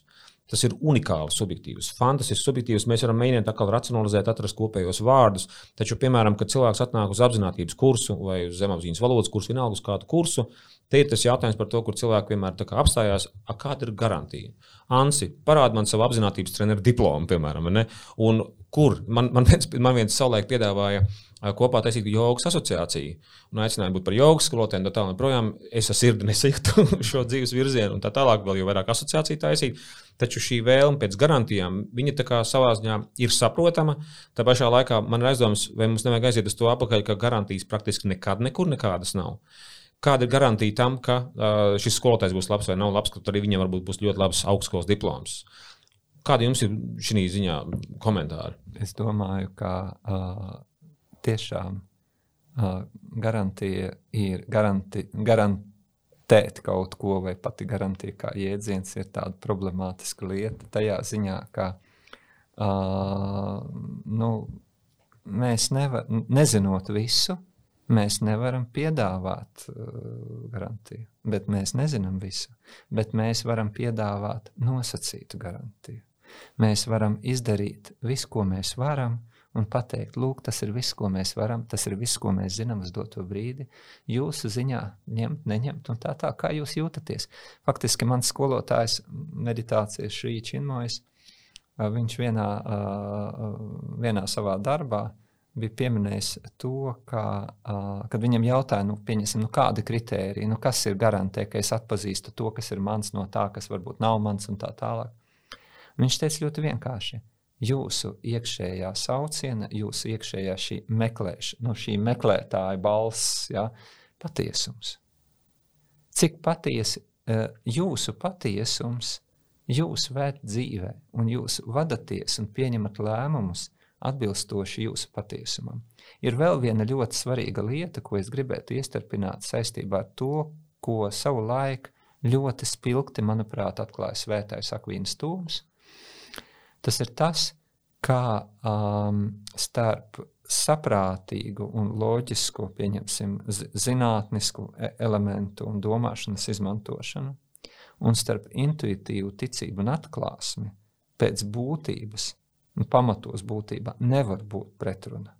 Ja pretruna pastāv, tad Jautājums ir, vai nu es pieņemsim, viņš gan tur runāja uz Bībeles teksta pamata, vai nu es svētos rakstus lasu pavirši un kaut ko pārprotu, jā, burtiski kaut ko tveru, pieņemsim. Vai nu es arī savos zinātniskajos aspektos kaut kur, nu, kaut kādu sākotnēju axiomātisko pozīciju vai savu hipotēzi pieņemu no kaut kāda neveiksmīga skatu punkta, kas neļauj man ieraudzīt to, kā šīs lietas var atrast kopsaucējus. Un tāpēc pēc būtības šeit ir jautājums par kaut ko citu. Manuprāt, nevar būt būtiskas pretrunas starp zinātnisko, ezotērisko un garīgo, un reliģisko un māksliniecisko. Nu, kādos pa... Nevar būt. Ja, viņa, ja mēs konstatējam kaut ko, tad mums ir jāskatās, kur mēs nepietiekoši prasmīgi esam lūkojušies, mēģinājuši formulēt, redzēt. Jā, jo ja mēs uzskatām, ka realitāte ir vienota, ka mēs principā tomēr varam kaut daļēji viens otru saprast, ka mēs principā varam kaut uz brīdi tikt skaidrībā par to, ko viens otrs jūt. Mēs nevaram katru brīdi, bet šādi tad ja ir, ja pastāv elements, kas vieno realitāti, tad arī starp visiem pārējiem elementiem iekšēji pastāv kaut kāda saikne, kura var būt skaidrāk redzama, mazāk skaidra redzama, kur ir kaut kādi kopsaucieni, sakarības, un kuri ļauj mums, pieņemsim, atbilstoši savam patiesumam, atbilstoši tām zināšanām, kuras man ir, uzlikt noteiktus manus personiskos un arī man, no sabiedrības vidas, no maniem draugiem, kolēģiem, vecākiem aizgūtus filtrus, ar kuru starpniecību es nu, teiksim, pārbaudu, izēju cauri tiem piedāvājumiem, idejām, atziņām un galu galā kļūdas, kā teica kāds senais, ir vien mazākas patiesības. Tāpēc mm. pat ja mēs kļūdāmies, tas ir, eh, tas ir daļa no mūsu izaugsmas procesa. Bet, ja tu esi valsts iestādes pārstāvis, tu nevari tā atļauties spriest. Tev ir jāmēģina domāt nu, par to, kā uzlikt kaut kādu maksimāli iespējamas garantijas un maksimāli samazināt pārpratumus. Un tāpēc eh, šajā ziņā uh, vienmēr ir svarīgi uh, uh, izmantot to, ko varētu mēs nosaukt par, kores, ne, par koherences patiesības teoriju. Tas nozīmē, ka tavas jauniegūtās zināšanas patiesumu, tavu jauniegūto zināšanu patiesumu kvalitāte izriet no tā, kādā veidā viņa spēj savienoties, iekļauties, saskaņoties ar visu to, ko tu jau zini. Tas ir viens no patiesības kritērijiem. Uh, Atbilstība faktam, viens patiesības kritērijs, saskaņotība, savienošanās spēja, atbilstība, otrs patiesības kritērijs. Šie divi patiesības kritēriji dominē mūsdienu zinātnē. Jā. Bet ir vēl pieņemsim tāda lieta kā pragmatiskais patiesības kritērijs. Es nezinu, kā tas strādā. Man nav ne jausmas, nu, tas atbilst vai neatbilst, bet es redzu kaut kādu rezultātu. Jā, varbūt pieņemsim, vienā gadījumā rezultātu nebija, bet šur, šur, šur rezultāti kaut kādi ir. Jā, un tāpēc tas ir tā pragmatiskais patiesības kritērijs. Jā, jā, jā patiesas ir tas, kas atklājās nu, kā, kā rezultatīvs, kas atklājās kā rezultatīvs. Tu nezini, kā, bet tas rezultāts ir šāds. Jā, man, nu, es pie, pie, jā, jā. pieminēšu vienu, vienu tādu gadījumu, nenosaucot konkrēts personālais un tā tālāk. Es uh, sadarbojos ar uh, vienu dziedniecības skolu, lasot tur reliģiju vēstures un garīgo prakšu vēstures lekcijas. Daudzu gadu garumā periodiski mani aicināja, un tā tālāk, vispār izglītojuši kursus. Jā, un līdz ar to es redzēju tos cilvēkus un tā tālāk. Un, mm, attiecīgi, man uh, kādus gadus, septiņus gadus atpakaļ, uh, nonāca tāda, tā, tāda situācija. Ja?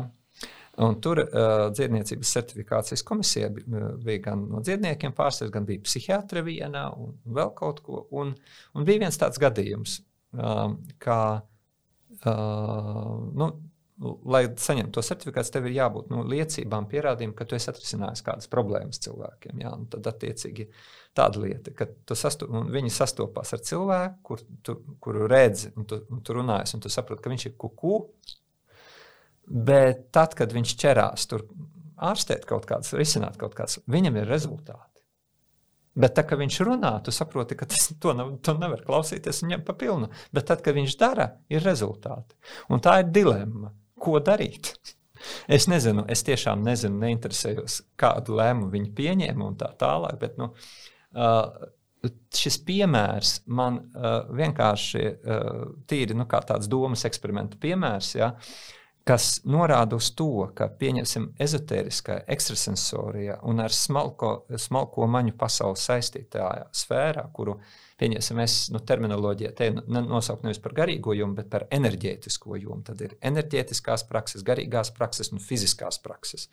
Jā, un tad enerģētisko prakšu sfērā, pieņemsim, ir smalkās jušanas, ir kaut kādas smalkās uztveres. Bet kur ir, kur ir problēma?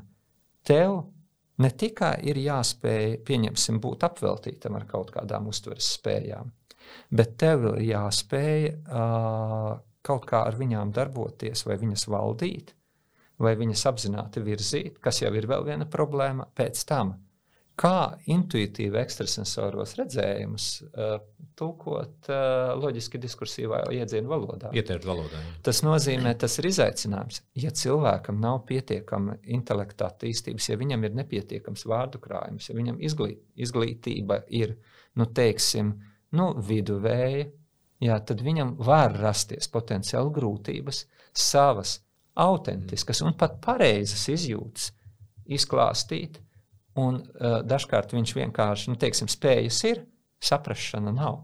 Saprāšana nav nu, tādā, tādā ziņā, ka varbūt ka viņam ir kāda psihiska daļa traucējuma. Tāda lieta, bet spējas ir. Varbūt tā, ka spēju nav un ir traucējumi. Nu, tas ir jebkurā profesijā. Jā, cilvēks, jā, kas māca vienu lietu, bet citās lietās varbūt ir pilnīgi jā, jā, varbūt tā, ka pieņemsim cilvēkam ir ārkārtējas intelektuālas spējas, un viņš izliekas, ka viņam ir ekstrasensoras spējas. Arī tādas lietas gadās. Jā. Bet, ko es gribēju teikt, ja, tad piedomājieties situācija, pieņemsim. Nu, nosacītais ekstrasensors ezotēģis, tātad cilvēks, tātad viņam ir nu, tādas kaut kādas spējas, jā, nelielas, un tāda pavisam vāja saprašana nu, par nu, kultūras kontekstu. Nu, viņš ir redzējis jā, jā, jā, jā. Bet, bet spējas ir. Jā, jā, un tā tālāk. Pēc tam cilvēkam ir lielākas spējas, un pieņemsim lielas spējas. Un arī vāja saprāšana. Nevis viduvājas spējas, bet lielas spējas un vāja saprāšana. Pēc tam cilvēkam var būt ļoti laba saprāšana un vājas spējas. Pēc tam var būt situācija, kad cilvēkam ir, ir dažādi varianti. Gan, jā, jā, jā, bet jā, nu, mēs jau piebeidzam. okay, okay. jā, kad ir, ir gan tā saprāšana, laba, gan tās spējas, bet viņi ir ļoti reti.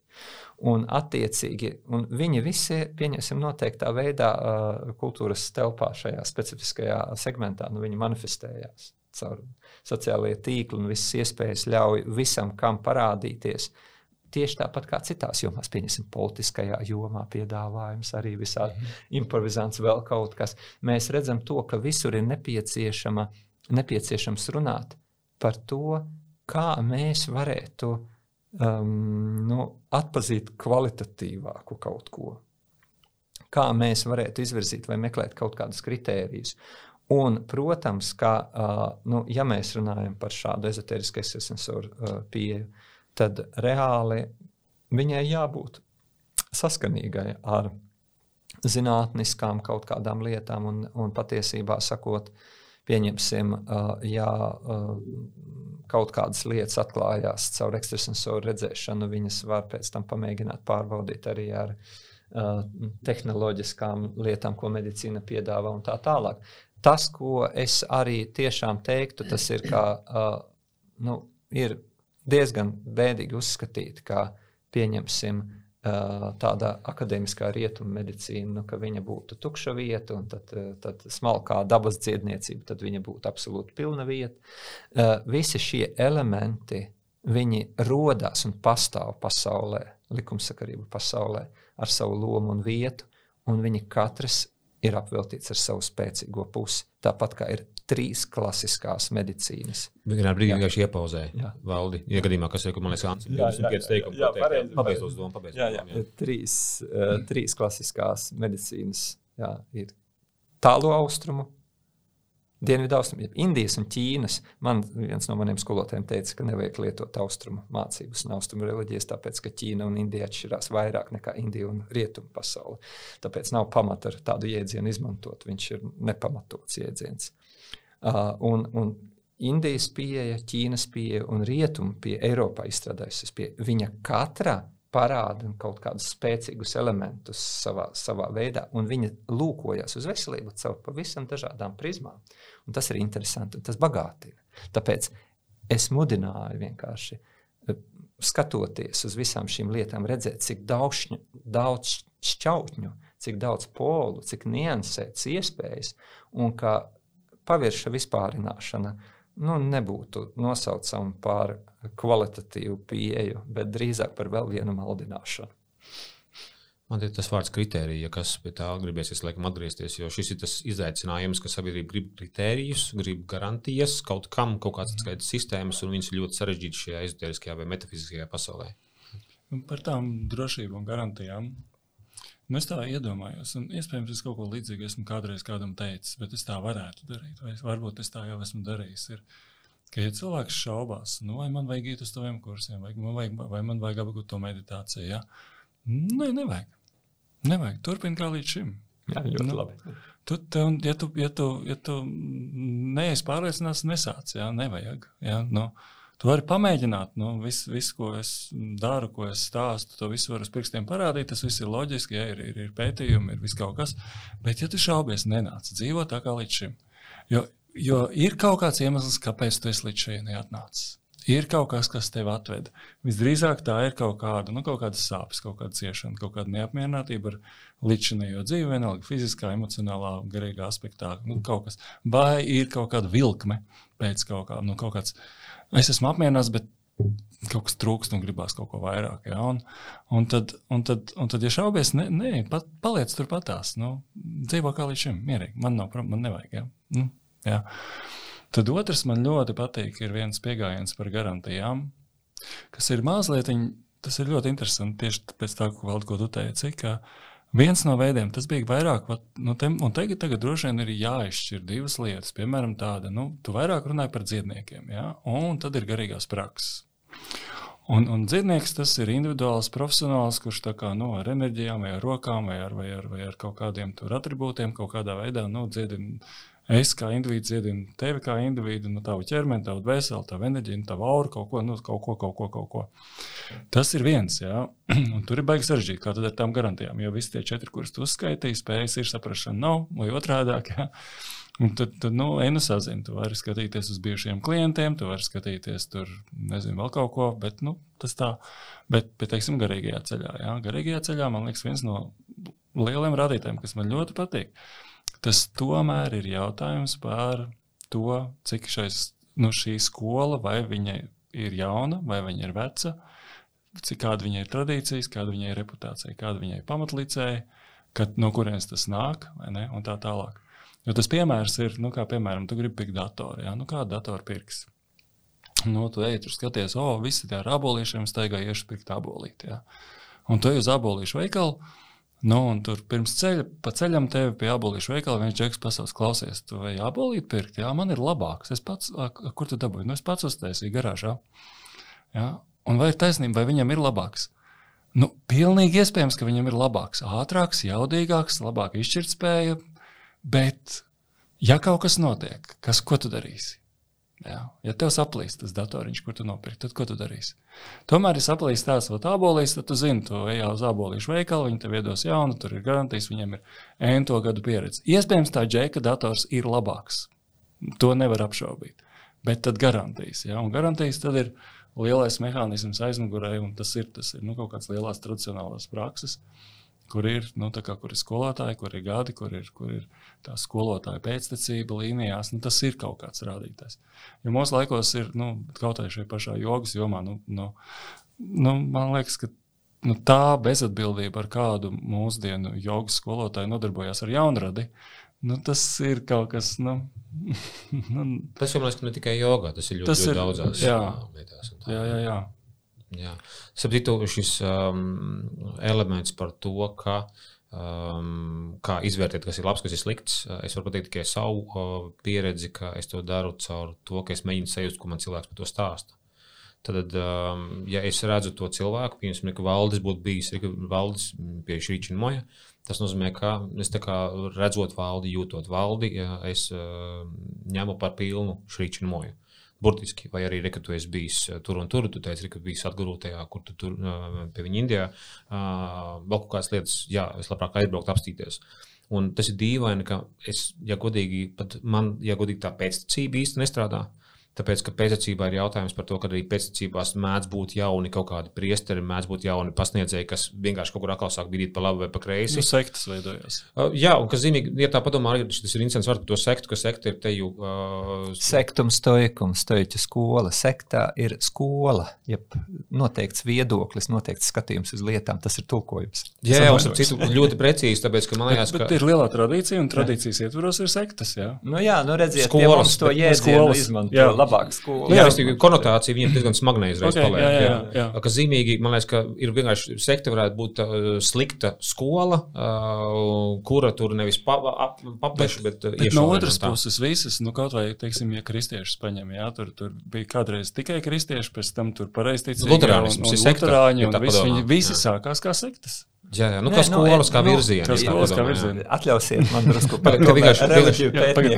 pateikt vienkārši nianses ir, mēs runājam par konotācijām. Tagad. Jā, jā, jā. Ja tu tagad ieies etimoloģijā, tad jā. Jā, jā. Ļoti, ļoti vienkārši, ja mēs runātu par šo sektas jēdzienu, tad līdz pat, nu, kad viņu Maks Vēbers ievieš zinā, reliģiju pētniecībā kaut kur 19. un 20. gadsimta mijā kā terminu, bet kā terminu viņš viņu ienes kā neitrālu terminu.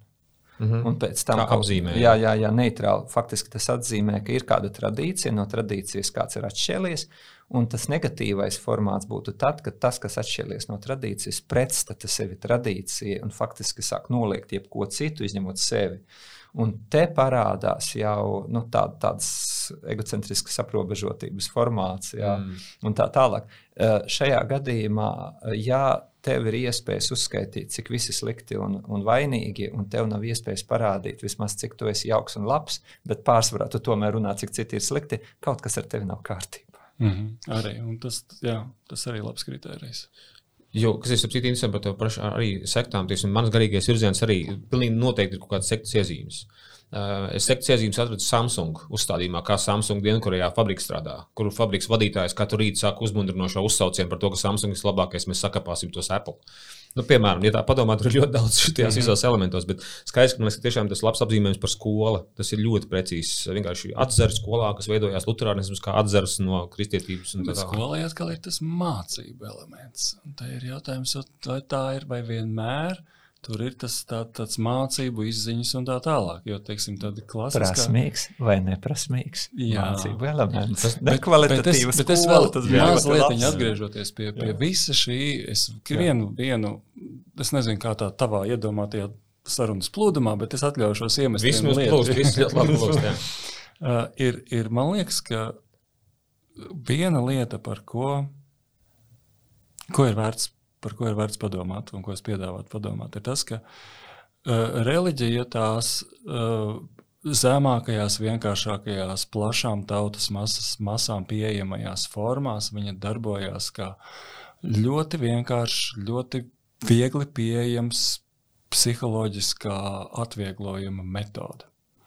Vienkārši, ja cilvēks viņam ir elementārie rituāli, elementārā ticība, tas viņu nomierina, tas mazina viņa trauksmi, tas mazina viņam satraukumu, tas iedod kaut kādu ētiku minimālā līmenī.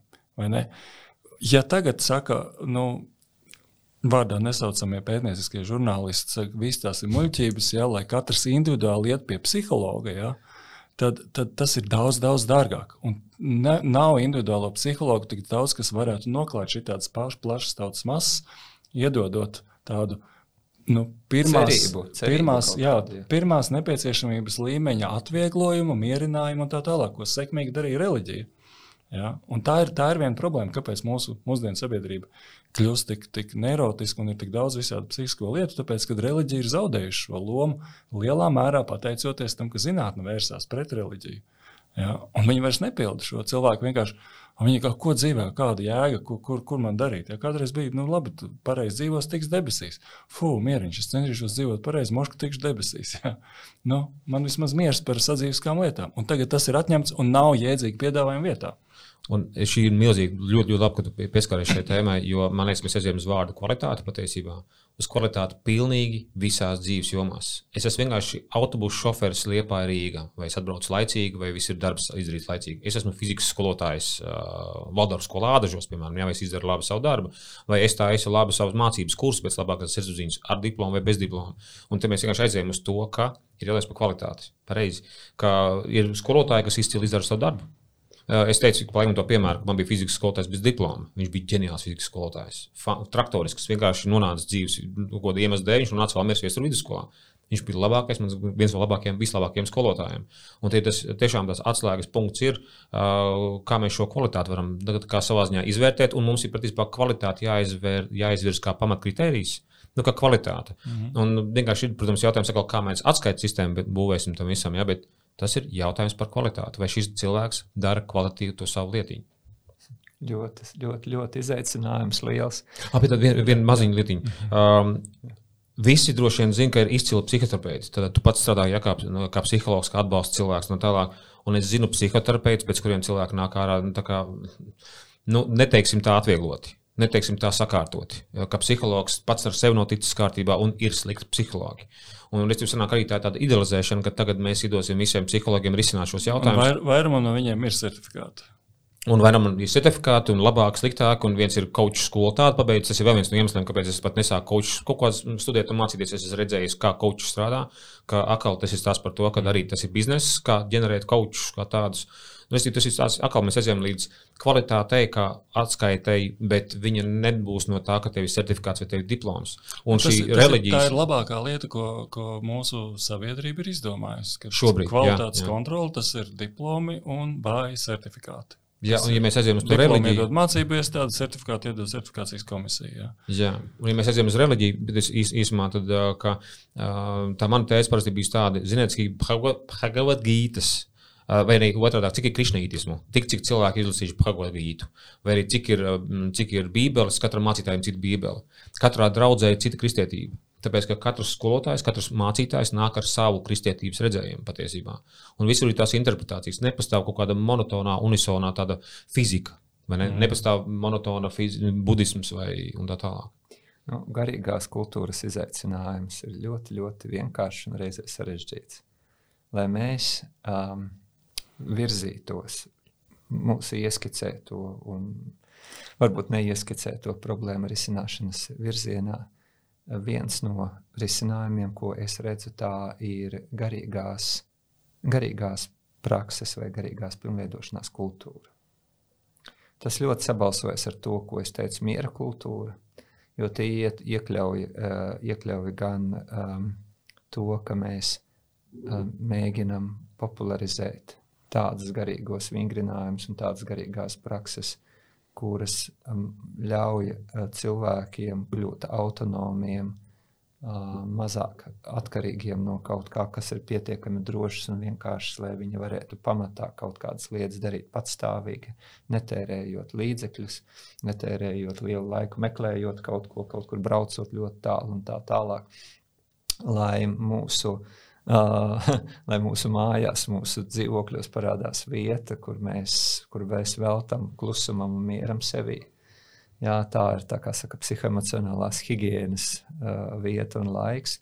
Un šajā ziņā es redzu to situācijas risinājumu tā, ja mēs varam gan ar savu piemēru, gan daloties ar savu pieredzi, iedvesmot cilvēkus, um, veltīt laiku tam, lai viņi mierīgi un rāmi noskaņojās uz to sevi, ko viņi izjūt kā īstāko un patiesāko, kā labāko. Tieši izjūt. Vai drusku varbūt sākumā iztēlojas kaut ko, vai vienkārši pabūt mierā ar to. Uh, veltot laiku tam, ko mēs varam šādā veidā tvērt, mēs pastiprinām pakāpeniski apziņotību par šo. Ja mūsos pastiprinās šāda veida īpašību klātbūtne un regularitāte, pieaug apziņotība, mēs pamanām vairāk savas labās īpašības, bet pārsvarā sākumā trūkumus. Un pēc tam, ja mēs ar labu gribu turpinām to darīt, tā ir prasmīga attieksme. Tas nozīmē nenodarboties ar šausmināšanos par saviem trūkumiem, bet koncentrēties uz to labo, ko es redzu sevī un, un ko es saskatu citos, lai es varētu teiksim, augt šajā virzienā. Jo es gribu, ja es tiešām gribu augt uh, pilnākā, īstākā, labākā, tad es arī noskaņojos, cenšos koncentrēties uz šīm īpašībām. Tā pašā laikā nepazaudējot to kopainas redzējumu, citiem vārdiem sakot, nu, ka es redzu, ka nu, trūkumi ir, ka es koncentrējos un meditēju nevis, nevis priekš tam, lai man nekas slikts dzīvē neatgadītos, bet priekš tam, lai, ja nu gadījumā kaut kas slikts atgadās, es sagaidu to ar citu kvalitāti. Ja kaut kas labs atgadās, es sagaidu ar citu kvalitāti. Man vienreiz bija saruna ar vienu vecmāmiņu. Vecmāmiņa bija gājusi uz meditācijas nodarbībām, kuras man savulaik nāca, nu, bija iespēja vadīt. Nu, es arī nu, to turpinu darīt, kad man ir brīvs. Un, uh, Un viņa nāca, un viņai patika, viņa, viņa izjuta noteiktu mieru, viņa taisīja tos vingrinājumus, viņai bija kaut kur ap 70 gadi. Un pēc tam vienā brīdī viņa, viņa nu, tā kā saka, ka viņai nav laika šāda veida nodarbībām, jo viņai ir laiks jāvelta saviem mazbērniem. Meita mazbērnus atstāja viņai. Jā, un, un es tā kaut kā tā veidā, nu, tā spontāni, bez kādas tādas īpašas aizdomas, es viņai teicu, nu, bet, bet paklau, uh, uh, bet tu taču saviem mazbērniem vēli to labāko, vai ne? Jā, protams. Saki, lūdzu, tad, kad tu noskaņojies uz šo mieru, velti laiku, šo nelielo laiku ikdien, ikdienā, meditācijā, kā tu jūties? Es tiešām jūtos labāk. Kā tu domā, vai tavi mazbērni ir pelnījuši labāko no tevis, tostarp arī to, kā tu jūties, vai viņi nav pelnījuši, jo viņi nekur citur arī nevarēs saņemt, ja tu to nedosi. Jā, kur viņi varēs saņemt, ja, pat, ja tas saņems ģimenē. Jā. Jā, un viņa tā ap, apstājās, un arī es tā, nu, kaut kā sanāca, ka tie vārdi izskrēja ātrāk nekā es noreflektēju. Ja? Un, jā, un viņa pārdomāja, un viņa sāka turpināt darīt, un tas viņai dzīvē bija palīdzējis iziet to starp arī, cik es drusku zinu, arī caur grūtākiem brīžiem cauri. Jā, garīgums savā autentiskajā, kvalitatīvajā veidā, ja mēs runājam par kvalitāti, ir veids, kā es kļūstu līdzsvarotāks, mierīgāks, un mana uztvere un attieksme pret cilvēkiem ir pieņemošāka, attiecībā pret sevi pieņemošāka. Un caur to visu pieņemšanu es tiešām virzos uz to, lai mainīties, augt. Nevis lai vienkārši uh, nonāktu pasīvā stāvoklī un vienkārši baudītu dzīvi. Es pieņemsim vispār vārdu savienojums baudīt dzīvi. Es, es pēdējā laikā domāju, ka tomēr īsti neder. Jā, jo es svinēt dzīvi vai, vai izjust prieku par dzīvi ir atbilstoši, jo baudīt nozīmē patērēt, bet priecāties par dzīvi nozīmē radīt. Uh, enjoy, joy, enjoy and pleasure. Jā, tās ir dažādas lietas. Pleasure patēriņš, bet joy un enjoy izjust, izdzīvot, just prieku. Jā, tās ir divas kvalitātes, kur prieks ir izjūta, bet bauda ir vienkārši sajūta un patēriņš. Attieksme, ja mēs varam sevi, ja mūs prasās, kā Ants teica, ļoti labi, patiesais kritērijs ir tāds, ja tev prasās, ja tev uzrunā, ja tev tiešām tu jūti, ka tev ir jāpamēģina, nu tad dari. Ja, tu, ja, ja tev liekas, ka nē, nu, nu tad vai tad tas ir kaut kas slikts, ja kaut kas var nesanākt, vai kaut ko tu vari negribēt, vai ne? Bet nu, tā pozitīva attieksme un uh, tas darbs, un arī tas, es šeit domāju, ka manā skatījumā, vismaz to es mācījos no Švičina, ka kvalitatīva garīga praksē ir sociāli atbildīga. Oh, kā es pateicu, tu pateici tas... lieliski, jo vārds atbildība šeit par šī parādās. Sociāli atbildīga. Ko tas nozīmē? Tas nozīmē, ka uh, mana garīgā prakse uh, ir adresēta ne tikai man, Bet tad, kad es izdaru tos patiesus centienus par to, lai es kļūtu īstāks, patiesāks, apzinātāks attiecībā uz savām, uh, uz, uz manām, manu personību, pozitīvi integrējošām īpašībām, tad viss tas laiks, ko es veltu tam, lai es kļūtu īstāks, patiesāks, labāks un lai es varētu pēc tam iet uz savu darbu kaut vai par milimetru no šo attieksmes klātbūtni, tas viss ir mans ieguldījums sabiedrībā. Kāpēc? Tāpēc, ka mana garīgā prakse uh, kļūst par to turpinājumu manai dzīvei, satiekoties ar cilvēkiem, kad es tiešām apzināti cenšos šo labo gribu virzīt uz to. Un es vēl arī domāju par to, ka varbūt viens no kritērijiem eh, tādai mm, garīgai kultūrai, un, arī garīgai mācībai vai filozofijai, um, Uh, es pārfrāzēšu epikūru. Epikūrs ir filozofs ļoti īpatnējs un arī pārprasts.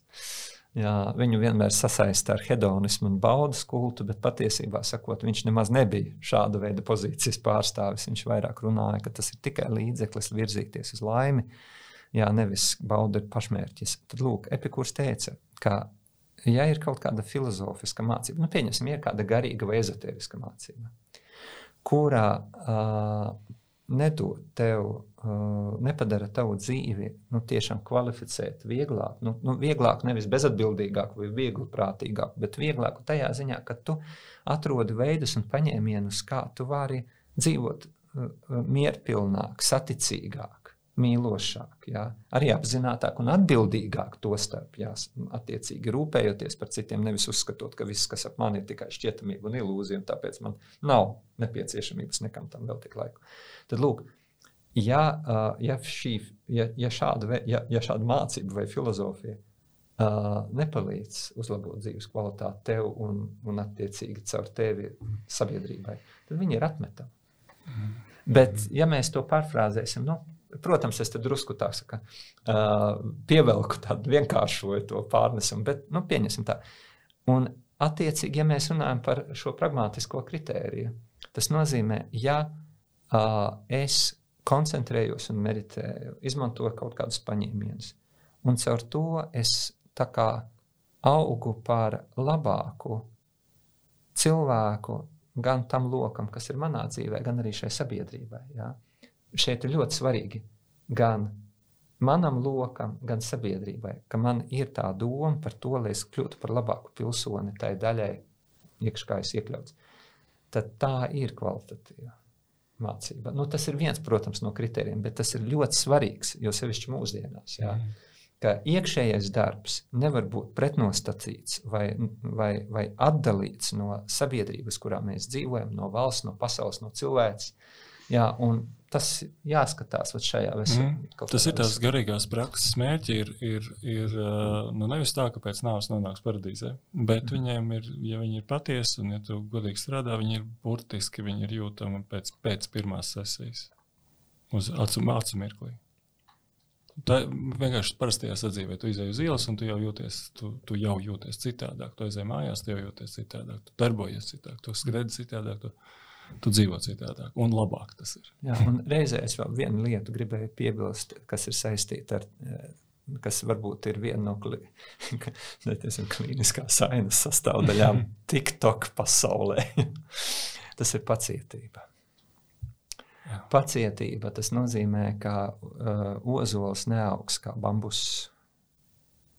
Jā, un kā noteikts lietas, noteikti lietu izvērtēšanai ir nepieciešams laiks. Uh, un arī tas, ka pozitīvas pārmaiņas dažkārt cilvēki no malas tevī var pamanīt ātrāk, nekā tu pats to apzinājies. Vai otrādi? Vai, vai otrādi, jā, jā, arī tādā ziņā. Bet pacietība, jebkurā gadījumā, ir tas spēks, kas uh, nepacietīgā, savā ziņā nepacietīgā un uz ātrumu orientētā pasaulē mūsdienās ir ļoti svarīgs līdzsvarojošs spēks. Gan priekšapziņotības, gan priekšgarīgās mhm. kultūras. Jā, nu manā garīgajā praksē tas bija tas jautājums par to, ka, vai tu vari kļūt kā minimums no rietumu pasaulē raksturīgā kofeīna, šīs domāšanas vai uzrāvienu domāšanas, aiziet uz šo dārznieku domāšanu. kad tu saproti, ka tev jāstāsta, kāds tas augs ir. Varbūt jāpiesādz vienā brīdī, tas būs pusgads, vai tas būs gads, vai tas būs, būs vairāki, daudz, desmit gadi. Tā, jā. Uh, starp citu, tad uh, šeit vēl bija parunājot par šo zinātnisko un uh, esoterisko vai metafiziskā nodalījumu. Lielais jautājums, kas šeit parādās, ir jautājums par vārdu atbildību, ko tu pateici jā, par to atbildību, ne tikai sociālo, bet vispār. Ko jūs kā treneris darat tieši, ka jūs jūtaties, ka jūs esat atbildīgi izturējušies pret šiem cilvēkiem, kas pie jums ir nākuši mācīties? Uh, Jo, kā es aizietu uz šo tēmu un jautājumu par drošību, par garantijām, par uh, atskaites sistēmām, ka tiešām šī metafiziskajā pasaulē ir ļoti maz atskaites sistēma. Jā, ir arī dziednieks, vienam dziedniekam sanāk, vienam dziedniekam nesanāk, vienam dziedniekam un tā tālāk. Un, es saprotu, ka ir daudziem skeptiskiem cilvēkiem liekas, vispār, ko jūs vispār runājat. Taču ir cilvēki, tiešām, kas ir palīdzējuši. Tas, ko es zinu, man bija viena no manām jogas skolotājām. Uh, es sākumā pat bija tāds skeptisks. Viņa teica, ka nu jā, viņai bija diagnosticēta ļoti traka slimība. Viņa bija tiešām iegājusi tādā dziļā jogas praksē. Viņai bija sanācis atrast kaut kādus labus, interesantus, spēcīgus, dziļus, tādus godīgus skolotājus. Un viņa bija izķeprojusies no tās slimības ārā, un viņa bija ar medicīnas diplomu pati. Tādā ziņā, ka tas nav cilvēks, kas vienkārši pats uh, iet vienalga, kuram šarlatānam nopakaļ. Nu, tā. Bet kas ir tie atbildības elementi, ka piemēram pie tevis nāk kāds cilvēks un tu jūti kaut ko viņam, viņam kaut kas, nezinu, šīs apziņotības prakses vai meditācijas prakses, viņam rada kaut kādas blaknes negatīvas, vai kas ir tas, kā jūs strādājat ar šo es esmu atbildīgs, lai don't, don't do harm, ja, nenodarītu pāri cilvēkam. Mm -hmm. nu, ir, ir, ir kā, nu, ko es no savas puses varu teikt, nu, tā, ja gadās, man ļoti reti kaut kas tāds gadās, jā, ļoti reti, pat burtiski uz vienas rokas pirkstiem varbūt var dažus gadījumus visos tajos gados, kopš es šito te ņemos. Um, Nu, visvairāk es teiktu, tā, ka, ka nu, tur, jau, tur jau ir tā, ka nu, ja cilvēks vienkārši viņš reizēm jautājums, vai viņš ir spējīgs tos praksi saprast, vai viņš ir spējīgs to praksi paņemt. Ja? Jo, jo tai praksē es neredzu, ka būtu kaut kāda vaina. Vienkārši jautājums, vai viņš viņu saprot, vai viņš viņu var pielietot, vai viņš spēj to izdarīt. Ja? Nu, tas tā kā es nezinu, tur zāļu lietošanas instrukcija vai nē, nu, cilvēkam jāspēj saprast to zāļu lietošanas instrukciju un pielietot. Ja viņš nemāks saskaitīt tabletītes, ja, un viņam nav neviena cita, kas saskaita, tad, tad, tad, tad, tad ir tā. Un tad, tad ja es konstatēju, ka man nav, man nav tāda, man nav bijuši ja, tur tik traki. Bet citādi ir tas skaidrojums, skaidrojums, skaidrošana, skaidrošana, skaidrošana, un, mm. un, un es, es paskaidroju visus tos mehānismus. Manā prātā un manā redzējumā viņi ir pietiekoši vienkārši. Un, un tā, ka nu, tur ir pietiekoši, nu, es atvainojos, muļķi droši. mm -hmm. nu, manā gadījumā es, es saprotu, ka uh, vienmēr ir kaut kādi konsultanti, kurus tu vari ieteikt. Tikpat labi psihologi vai tikpat labi psihoterapeiti. Un es kā savulaik man atsūtīju sarakstu, man šķiet, ar psihoterapeitiem. Laikam, ja? Un tad es ik pa laikam cilvēkiem saku, ja jūs jūtat, ka jums ir kaut kāda nestabilitāte par kaut ko, uh, tad lūdzu, lūdzu tiešām. Ne, protams, tā, tā, tā ir cita lieta. Jā, tā ir cita lieta. Tas ir, tas ir vienkārši ir, ir lietas, kuras nu, ne, vis, ne visas psiholoģiskās vai mentālos stāvokļus, lai es esmu ideālists šajā gadījumā, jā, es zinu, ka ticu, ka var visu atrisināt ar apziņotību un ar meditāciju, un visādas brīnumus var redzēt. Bet ne visi un ne uzreiz. Jā. Un tāpēc ir tie visi pārējie ir tavs parastais, nezinu, parastais fiziskais ārsts, kurš par vēderiem un, un kājām un rokām vai ne ir, ir psihiatrs, kurš par, par psihiskiem stāvokļiem, ir, ir psihologs, pie kura tu vari turpināt iet konsultēties. Un, un vienkārši un, un tas viss, protams, turpina. Un, ja vajag uzsākt, bet, bet, bet šitais ir, nu, ja viņi dara pareizi, viņš nevar kaitēt. Ja, ja vien tur otrā pusē nav kāds, kurš saka, pagaidi, pagaidi, nē, nē, šito tu met nost. Ja. Bet, um, Interesanti, bet to, ja, ja dara pareizi, nevar kaitēt. Man liekas, ka es, es, es to, tas ir baigi interesanti. Es, es lasu literatūrā, un es, es visu kaut kur. Ka, un es dzirdu, ka ir meditācijas pētnieki, meditācijas pasniedzēji. Viņi runā par, par meditācijas potenciālo kaitējumu. Un es to nespēju uztvert. Varbūt tā ir kaut kāda mana problēma. Bet es neredzu, kādā veidā pareizi ievērojot instrukciju, kādā veidā tas var traucēt, kādā veidā tas var kaitēt. Pie tam negatīvas emocijas es neskaitu par kaitējumu. Mm. Ja? Izkalkulot bišķiņu. Nu, man negatīvs, teiksim, es sēžu un man paliek garlaicīgi. Un tad es domāju, kas par sviestu. Ja?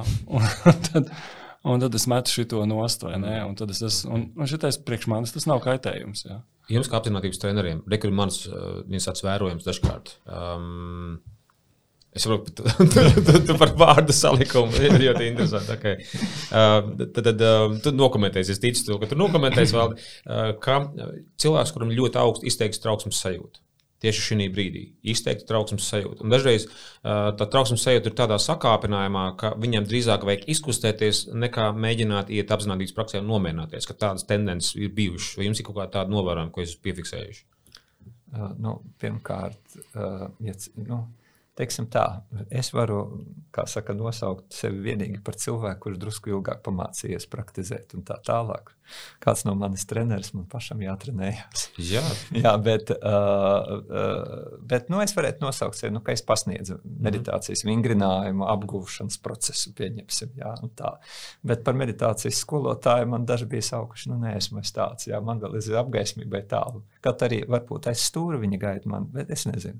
Tas nav arī svarīgi. Tad tas jau uzreiz, jā, uzreiz jāpasaka, ka te ir pilnīgi tas pats, uh, visu laiku jāmācās. Un, uh, bet tā jau ir dabiska lieta. Tas nebeidzās. Nu, tāpēc, ka, nu kā, nu, tiecība, tiekšanās, jeb aspiration, inspiration, aspiration, mēs rodam iedvesmu, uh, uz kādu īsu mirkli, bet tad, kad mēs tiešām sākam kļūt, pārvēršamies par meklētāju, par to, kurš grib eh, redzēt, izjust un piedzīvot, un tapt vienots ar patiesību, ar realitāti. Jā, tad jau tā ir tiecības ceļš. Tas nozīmē, ka tu tiešām, nu, tā kā tiešām ej, liec to katru solīt.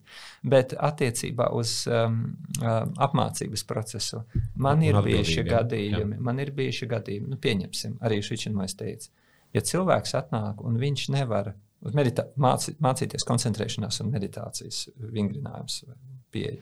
Un viņš nevar normāli nosēdēt mierīgi 10, 15 minūtes. Viņš slēpņosās, dīdās un tā tālāk. Pilnīgi skaidrs. Patreiz viņam ir jāiet uz fizisko vingrinājumu nodarbībām. Un tad, kad viņš varēs normāli pasēdēt bez kādas piepūles, un viņš būs, jā, tad viņš varēs arī šo pamācīties. Ir bijuši gadījumi, kad cilvēki ir ļoti uzvilkti, nemierīgi, nervozi un tā tālāk. Tad tiešām, ja tu esi ļoti satraukts, ja tu esi sanervozējies, sadusmojies, vēl kaut kā, tas nav laiks praktizēt koncentrēšanos un meditāciju. Tas ir laiks pastrādāt fiziski vai relaksēties, un pēc tam pēc kāda laika, tu atkal nu, vari pievērsties dziļākam darbam. Šeit ir, uh, protams, dažādas pieejas un dažādas situācijas, bet, ja cilvēkam, pieņemsim, ir uh, šizofrēnija. Jā, nu skaidrs, ka koncentrēšanās un meditācijas vingrinājumi noteiktā situācijā var, var būt bīstami un kaitīgi šādu veidu diagnozes kontekstā. Arī šī šeit runāja par to, ka psihi, nopietnu psihisku traucējumu ietvaros uh, ir ļoti būtiski jāizvērtē nu, teiksim, prakses pamatotība un tas, kāda ir dinamika, un tur ir jābūt mediķiem, un tur ir jābūt skatīšanās, jā, un tā tālāk. Šajā ziņā uh, um, uh, kā saka, kā, kā tur bija, kā, kā teica, uh, zinātnē, un mediķos, un psihoterapeitos, un arī žurnālistos, un visos pārējos, un arī ezotēķos ir Dievs. Ir daļa patiesības. Bet, ja runā par to, ko mēs no savas puses varam darīt, tas pirmkārt uh, jau no paša sākuma sākt, nu, vismaz es sāku. Jā, kad um, uh, praksē ir vērtību orientēta. Tas nozīmē, ka mēs noskaņojamies uz īpašībām. Mēs mēģinām noskaņoties uz īpašībām un skatīties, kura no tām garīgām īpašībām ir tā, kas pieņemsim mūs atsaucās, kur mēs jūtam, jūtam tādu dabisku tuvību un sākt ar to. Un, un šeit katrs pasniedzējs, es domāju, ir arī drusku uh, katra studenta patiesuma ķīlnieks. Tāpēc, ka tu vari runāt visu kaut ko, bet acīm redzot, tevi ignorē un neklausās. Un uzņemties atbildību par cilvēku klaju nevēlēšanos dzirdēt, saprast, ievērot, neviens īsti nevar. Jā. Šajā ziņā, protams, Ir, ir garīgo prakšu kultūrā, ir, ir enerģētiskās prakses, kas saistītas pārsvarā ar kundalīnu, tantrismu, čakru, čakru aktivizēšanu, kā jūs dzirdat, un vēl kaut kādām lietām. Es nezinu, trešo acu mēģina vēl uh, vērt vaļā, vai vēl kaut kādas dīvainas lietas, vai nu, dīvainas kā tādas, nu, tādas ekskluzīvi neparastas lietas darīt. Vai arī tur iet ārpus ķermeņa, vai vēl kaut ko, lai sasniegtu apgaismu. Nu, citiem vārdiem sakot, viss kaut kas, kas ir reāli bīstams un kas nav īsti paredzēts uh, patstāvīgai, neuzraudzītai, individuālai praksē. Tradicion, tā ir tradicionāla kultūra, kas tā īsti nu, nav paredzēta. Tāpēc arī lielie skolotāji, nu, vismaz ja mēs runājam, sākot no, no, no tekstiem, kas pēc Krišnas vai Budas, vai arī pēc Jēzus, vai arī pēc kādiem tuvākiem Ramakrišnā, Šeurabindu, Švičinojas, arī Vivekananda, Jogananda, lielākoties viņi runā tieši par šīm ēti, ētiski piedzīvojamām kvalitātēm, uz kurām mēs koncentrējamies un ar kurām mēs strādājam.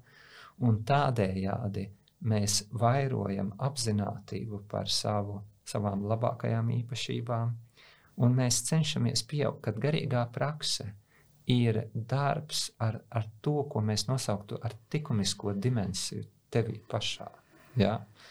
Riski, kas saistīti ar garīgo praksi, ir minimāli. Ja garīgā praksē uh, pārvēršas par superspēju vai, vai kaut mm. kādu sakāpinātu asu izjūtu vai kaut kādu superpuper, uh, uh, teiksim, um, variantu meklēšanu. Vai pieredzi meklēšanu. Jā, jā, jā, jā, jā.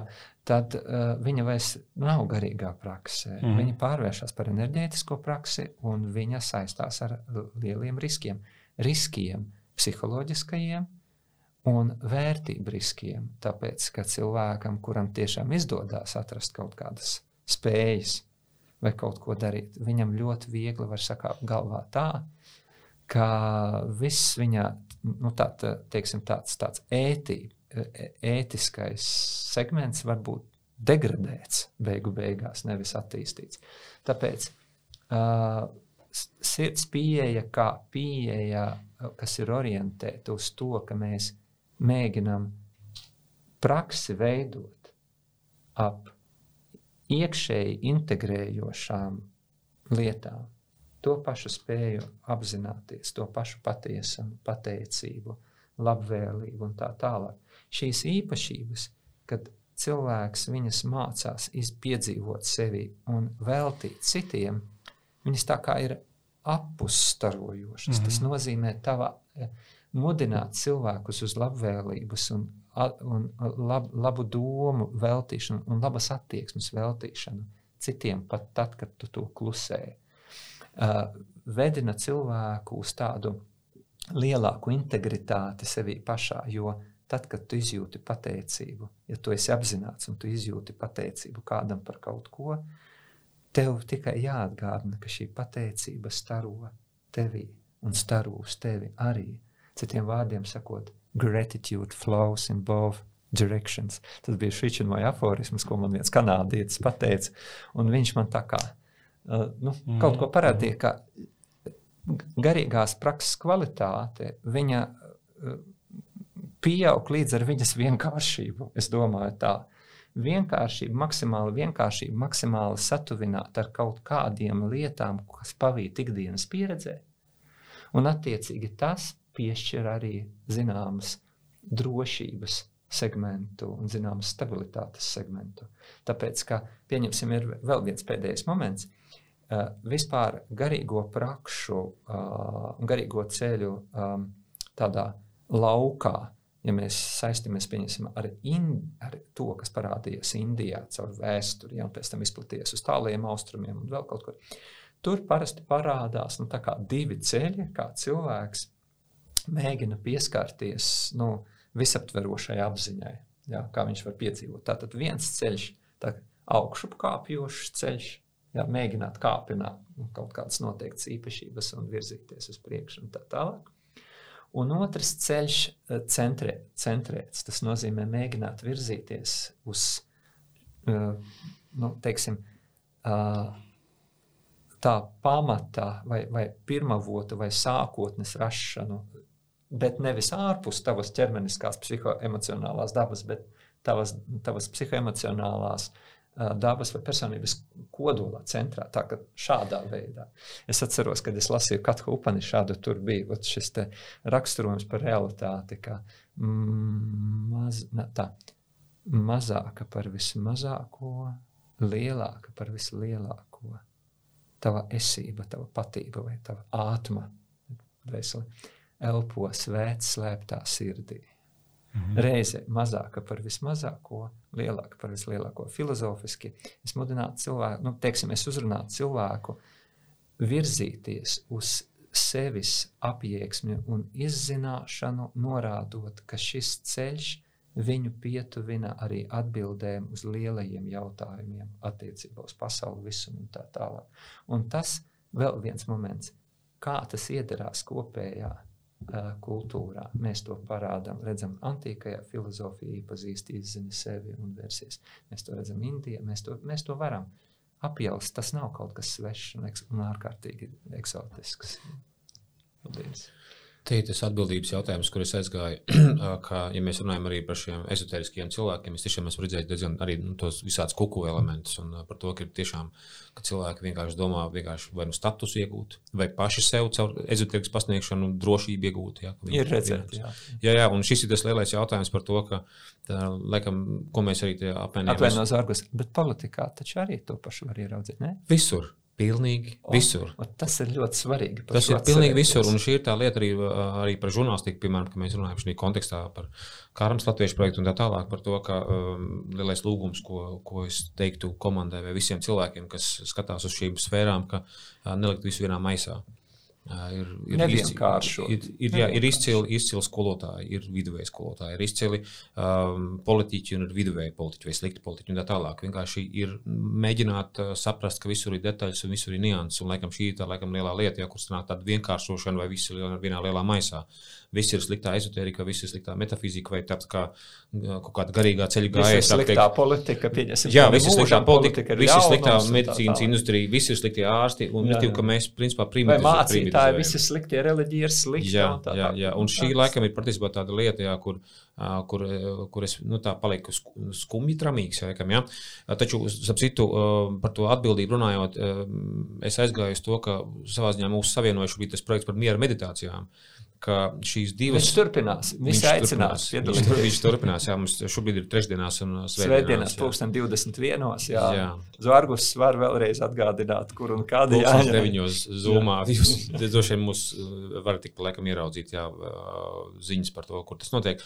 Uh, par to, ka es iedomājos par šo atbildību, ka uh, Um, dziļš miers ir viena no tādām stadijām, kurā cilvēkos um, nāk šie kaut kādi ētiskie elementi vai saikni ar to sirdsapziņas cilvēcisko pusi, šo gaišāko pusi, šis dziļais miers, ka dziļā mierā būt agresīvam, dziļā mierā būt naidpilnam, dziļā mierā būt nepiedošam, nu, tas, tas neiet kopā. Viņš principā ir pretmetīgs kā uh, uguns ar, uh, uguns ar ūdeni. Un otra lieta ir par to labestību. Uh, kas ir arī kopā nu, tāds labestība, kā liels jēdziens, kas ietver gan atdošanas, gan pateicības un tā tālāk. Jā, tieši izjūšana, nevis labestības ideja. Jā, tieši tā. Jā, jā būt šī stāvoklī, šī labestības stāvoklī. Ka, šī ir no tādām lietām, ko es savā zemapziņas valodas praksē sāku tādu mieru fokusu praksu taisīt, kurā tiešām tas iet uz dziļāku, ar vien dziļāku, dziļāku mieru. Un kur tu piedzīvo šo dziļāko mieru, kad, kad kādas domas tev ir rodās, un tad šī brīdī runāt ar sevi kā ar labestības uh, pilnu būtni. Ka tā ir tāda ļoti svarīga lieta šajā visā. Tas, principā, man ļoti labi, ka tu atgādināji valdījā, jo man šeit ir ļoti liels, liels, liels jautājums par to, ka darīt labu cilvēkiem. Un ka tu esi atbildīgs par to, ka ar tām metodikām, kurām tu strādā, ka tu esi atbildīgs pret viņiem. Arī, nu, mēs varam teikt, ka es karmiski esmu atbildīgs. Ja? Uh, Un nebaidoties no šī vārda par karmu, kurai es nu, redzu viņu kā pasaules vai šīs realitātes pastāvēšanas principu, kurā es esmu iekšā. Jā, ir karmiskie latvieši, ir karmiskie politiķi, ir karmiskie žurnālisti, ir karmiskie mediķi. Ak, Dievs, karma, nabaga karma. Viņa taču ir vienkārši cēloņsakarību likums. Visi tie, kas saprot, ka pasaulē pastāv zināmas cēloņsakarības, ir karmiski. Jā, tas ir vienkārši tā kā ir uguns. Ir ūdens, ko mēs esam nosaukuši par uguni un par ūdeni. Mēs šī gadījumā cēloņa sakarības esam nosaukuši par karmu. No tā, jā. Uh, vīri, uh, vai ir kaut kāds vēl tāds kopsavilkums? Mēs esam divas stundas burvīgi, burvīgi nočelojuši. Un, uh, un, jā. man, ir, man ir tāds viens nu, provokatīvs vai, vai tāds izaicinošs par garīgo praksi. Ja tu prasi, kādas ir drošības garīgajai praksē, kādas ir garantijas garīgajai praksē. Un tad es atceros par šīvu. Kas ir šīva? Viņš ir būtībā iznīcinātājs. Viņš ir destruktors, nu, viņš, ir, viņš ir ārdītājs. Tas bet, ir, tas, tas ir viņa ekspozīcija par to, ka tas ir šīva, ir viens no trījiem pamat... viens no trījiem pamata elementiem, bet viņš ir, viņš ir savā ziņā, viņš ir, viņš ir nu, Viņš ir kā ideja. Restī, tas ir ideja. Jā, kā... ideja, kā, kā iznīcināties. Citiem vārdiem sakot, jā, vai, vai garīgā praksa, vai, vai garīgais ceļš, viņš, viņš ir iznīcinošs, viņš ir ārdošs, viņš ir destruktīvs. Viņš, viņš, un ko viņš destruē? Kas ir tas, kas, ko šī iznīcina? Viņš iznīcina nepatiesību. Un, ja tev ir kaut kāda nepatiesība, pie kuras tu esi pieķēries, un tu pie viņas turies, pie, piemēram, nepatiesība, ka es esmu atsevišķa individualitāte, kad es kā tāds pastāvu, un tad patiesa garīgā praksa viņš to iznīcina, un tas var būt bezgala sāpīgi. Jā, un, un, un, bet, bet to apiet nevar. Jā. Nu. Tā kā, tā kā kaut kādā ziņā Adija Šantī ir tāds amerikāņu garīgais skolotājs, jā, un viņš, viņš, viņam ir tāds viens lielisks citāts, ka nu, nu, nu, nemaldies, ja nesadomājies, apgaismība ir totāli destruktīvs process. Viņi, viņi iznīcina jā. pilnīgi visu, kam tu esi ticējis, pilnīgi visu, ko tu esi iedomājies. Viņi vienkārši tev parāda tavu nu, muļķību, iedomību, augstprātību. Vai nezināšanu. Nezināšanu. Un vienkārši tā kā lielo prožektoru uzbliež virsū. Bez, bez, bez mīkstinājuma. Piedod, es biju paturpinājis to, ko Ants tādā ļoti tādā traknā, traknā jā, jā, jā, modelī. Tā kā, es saku, es tā kā provokācija. Man, man gogā tagad ieblies. Vienkārši man gogs ar 12 triepieniem, vienkārši visa glezna ir gatava un tā tālāk. Es, es par, es par nianses par to, ka, uh, lai citi cilvēki tagad klausās un kas tagad domā, ak, Dievs, kas par vaiprātu. Es gribu jā, pateikt, ka jebkurš radošais process ietver sevī šīvu. Tad, piemēram, tu esi kaut kādā stāvoklī un tu mēģini atrast jaunu risinājumu, kas nozīmē, ka tu pasaki, ka šis esošais līdzinājums risinājums nestrādā. Bet kā esi destruktīvs pret esošo homeostāzi, un tu tā kā saki, reku ir jauns. Bet bez tā nav iespējama izaugsme un attīstība. Jā, jā, vienīgais tādā, ja tu ietēri viņu tādā Van Gogā. jā, jā, bet pirms tam, pirms tam man liekas, tā bišķi baigi saldā aizgāja. uh, oi, tad arī sapratu mūsu, es nezinu, kas tā kāda loma mēs te katrs te pildam, kurš no mums ir Višana, kurš ir Šīva, kurš ir, kas bija trešais? Brāma. Brāma, jā, kurš Brāma. ir kas šī visā procesā, iespējams, tu esi Brāma, es nezinu, bet uh, ir runa par to, ka šie elementi, viņš ir tāds vispār mūsu realitātes vai kā es to saprotu, mūsu apziņas darbības princips. Jā. Un man bija interesanti piemēri ar radošumu. Es biju kaut kāds radošuma institūts bija Rīgā, un es biju aizgājis ciemos un uh, iedevu cilvēku kaut kādas tās papīra lapas, šķēres, un gribēju apstīties, mums parādīt, kas jūs tādi esat. Mēs gribam apstīties pie jūsu radošo kaut kādu tipāžu. Nu, es paņēmu tās lapas, un es sāku griezt, un es redzu, ka tā sieviete tā satrūkstās. Ak, Dievs, viņa, un pēc tam viņa komentē, kāds agresīvisms nāk no tevis ārā. Un uh, tā bija arī ar ļoti augstiem diplomiem, ar ļoti augstiem institūtiem, ko jūs sadarbojaties. Un tā tālāk, un es pēc tam domāju, bet radošums ir, nu, tā ir agresija pret esošo status quo, kas šobrīd notiekās.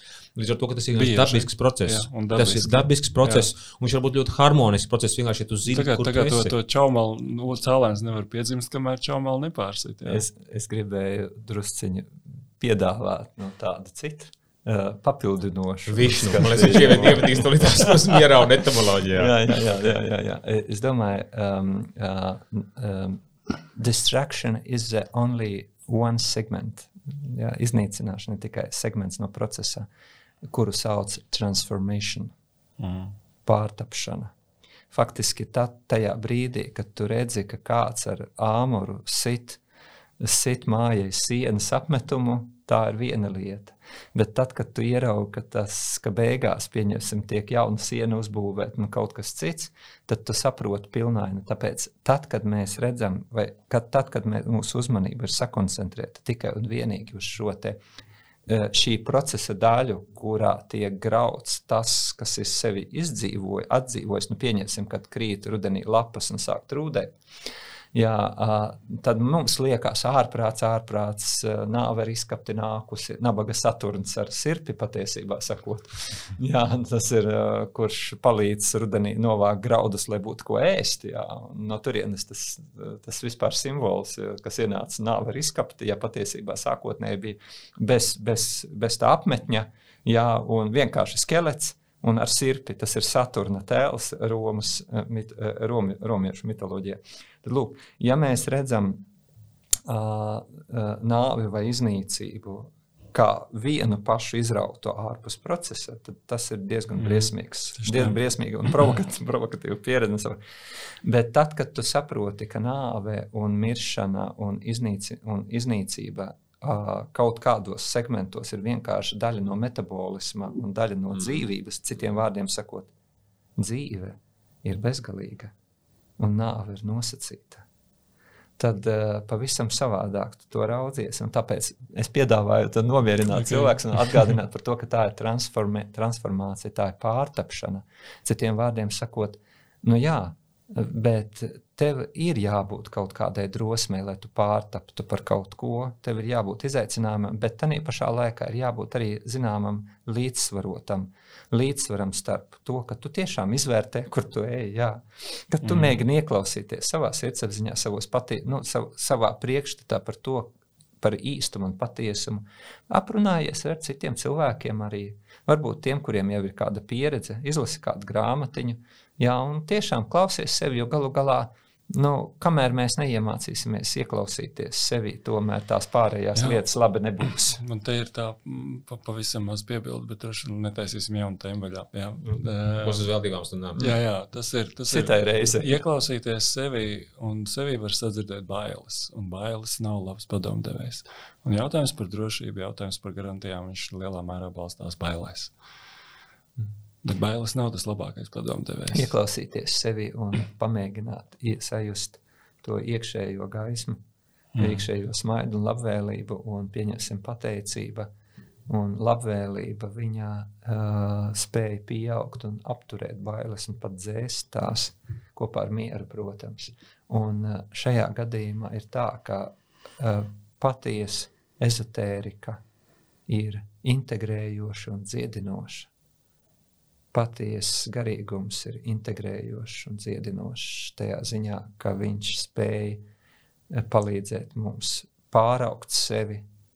Jo varbūt pats galvenais, eh, pats galvenais raksturojums cilvēkam ir spēja pāraugt sevi, jeb savu transcendenci. Tas ir pats būtiskākais raksturojums. Tikai cilvēks spēja pāraugt sevi pats, nevis tāpēc, ka apstākļi spiež, sabiedrība pieprasa, pasaules gals tuvojas vai vēl kaut kas, bet tāpēc, ka es tiešām sāku just un apzināties, ka es vēlētos būt īstāks, labāks un patiesāks, un ka es gribētu augt tajā.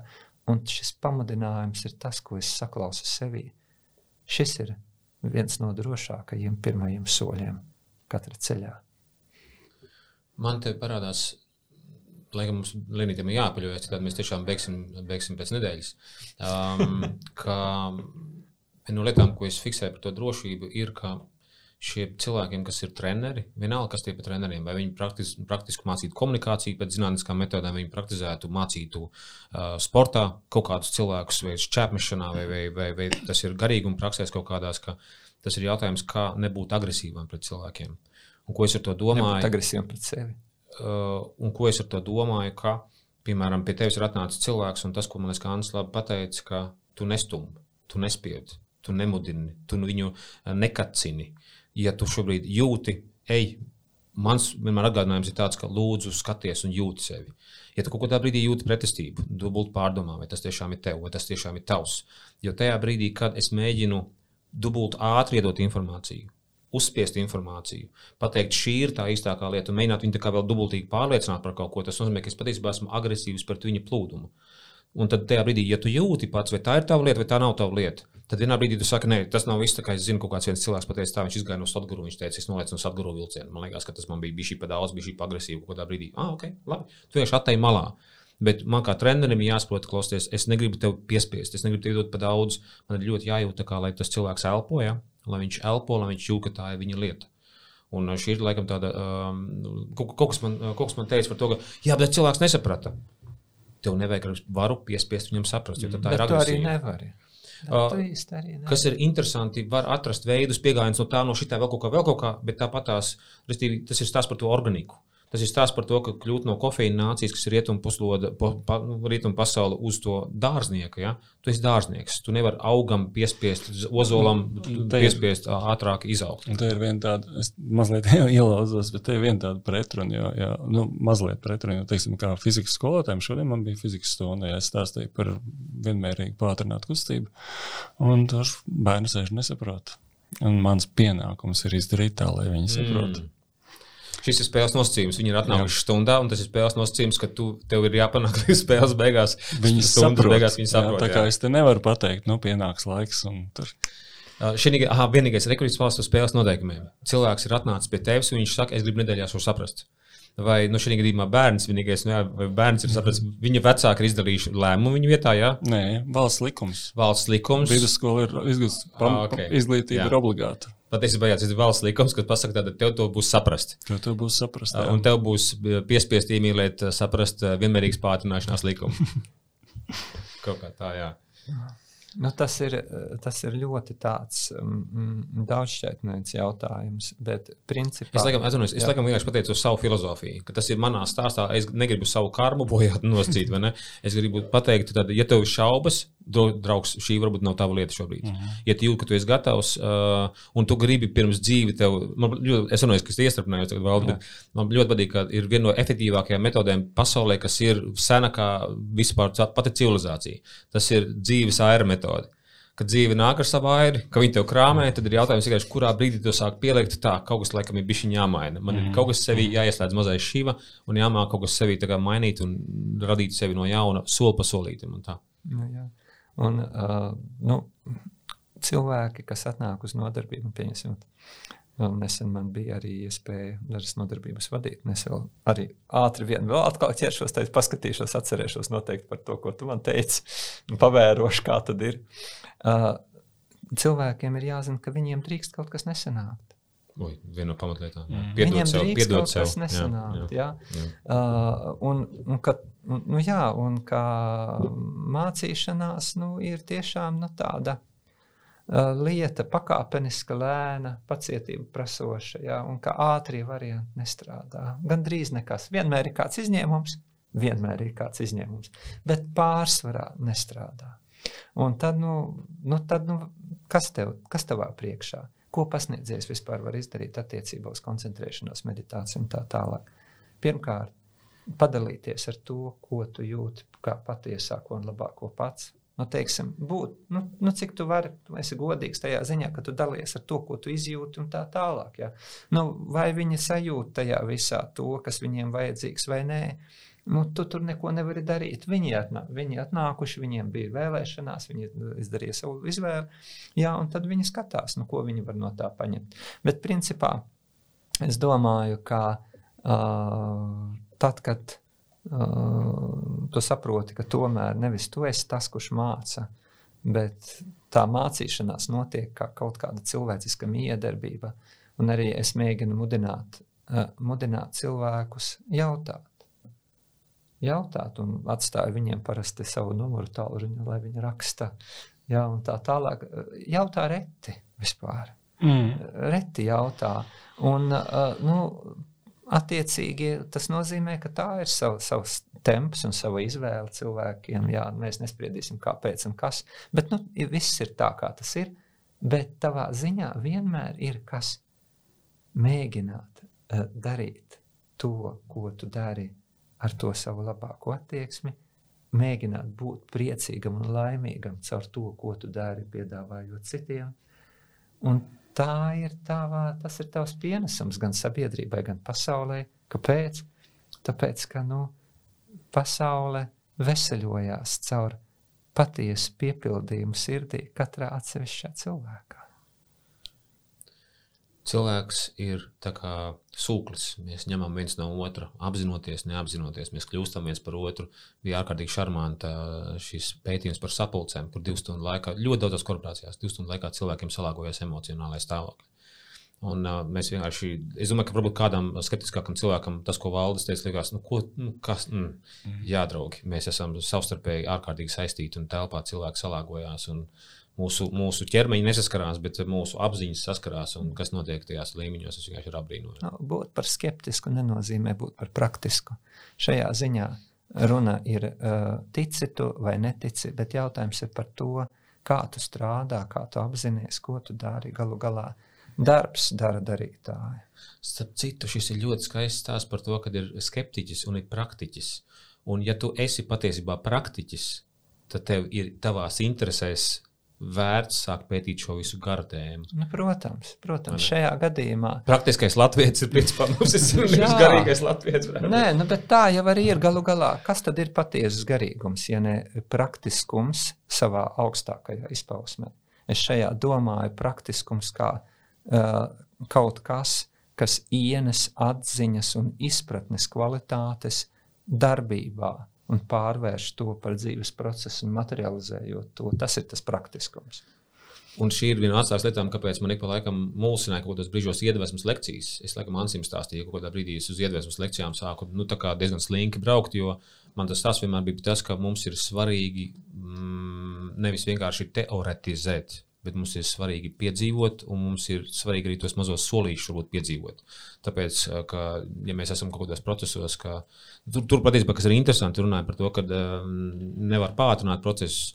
Man liekas, ka prasmīgs skolotājs, ja piemēram Ansis prasmīgi izstāstīja par vienmērīgās pātrināšanas principu, tad viņš nu, uzdāvināja bērniem šo skaidrību varbūt pēc, jau pēc piecām minūtēm. Varbūt pēc 20 minūtēm. Es sapratu. Un tie ir tas prasmīgums.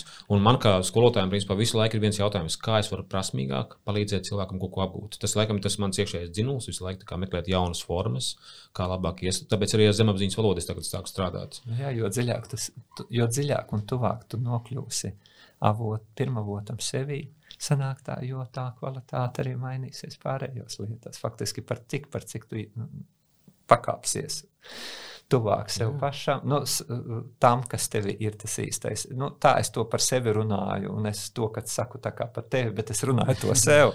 Jā, bet ko, e, ko es, ko, kas Pasaule ir mūsu turpinājums. Jā, jā, jā. izpauž man. Jā, jā. Es vienkārši nodomāju par to, ka ļoti labi pateic par to momentu, jo vispār mācīšanās kā tāda un sastapšanās uz tās, kā mēs sakām, uz vienas nots vai uz viena viļņa, kas gadās nejauši dažkārt ar cilvēkiem pasaulē. Tad, kad tu uh, no sirds dalies ar kaut kādu nu, vērtību, ko tu esi piedzīvojis un ieraudzījis, un tu atrodi vārdus, un tu mēģini dalīties, uh, ja tu sastopies ar cilvēku, uh, kuram ir šī nots, un, š, un viņš tā kā meklē, tad, tad te ir tā, tas gadījums, kad uh, mēs šādā veidā apsteidzam laiku. Tas nozīmē viena cilvēka pieredze, kura var šādā veidā aktualizēties cita cilvēka dzīvē, ja viņi, ja viņi saskarās tajā noteiktajā brīdī. Viņas, viņa ietaupa milzīgu laiku, tā es būtu meklējis un darījis to, to, to, bet šajā brīdī es izdzirdēju šo te, un es apjaušu. Es apjaušu. Un faktiski, jā, speciāli, es nezinu, nu, tu dari to labāko, bet diez vai tu, tu vari kaut ko īpaši pātrināt. Vienkārši dari to labāko, ko tu vari. Ja to starp arī piedomājot par to, kā varētu labāk, protams. Bet tā pašā laikā daudzas lietas paliek spontānas un intuitīvas. Un, mm. un ne, nu, tā nevar paredzēt. Zinātnes filozofijas viens no korifejiem 20. gadsimtā ir Sers, Sers Karls Popers. Jā, viņam tituls bija piešķirts. Uh, Un tad lūk, viņš teica, ka tā ir viņa teorija, zinātnīs filozofija, ka kvalitatīvi jaunas idejas zinātnīs sfērā parādās kā intuitīvs lēciens. Viņas neparādās kā kvantitātes uh, uzkrāšanās un, un, un vienkārši tādu veidu faktu. Tas ir zinātnīs filozofija. Attiecībā uz garīgo dimensiju strādā tie paši likumi. Un šī, te, kā, laikam, tagad ir 2 stundas, 20 minūtes. Un šeit parādās, šeit parādās divas lietas par šo intuitīvo. Šī bija tā lieta, kur es par to uh, intuīciju. intuīciju sāku runāt un par intelektu arī intuīciju kopā. Bet nesāksim mums tagad, tāpēc, ka tiešām tās ir vēl trīs stundas. Arī Bergsons. Jā, re, re, re, vai ne? No tā. Un tur ir vēl viens jautājums, ko es labprāt izrunātu, jo man liekas, ka mēs ar Ants pat neesam izrunājuši. Ik laika mēs esam redzējuši, tu esi diskutējis par brīvās izvēles jautājumiem, kur, man, atš, kur man atšķirās ar, ar tevi maķinīt redzējumus. Bet tā ir tiešām tā, jā, ir atsevišķam. Atsevišķam, atsevišķam. Aizvakar par to runāju.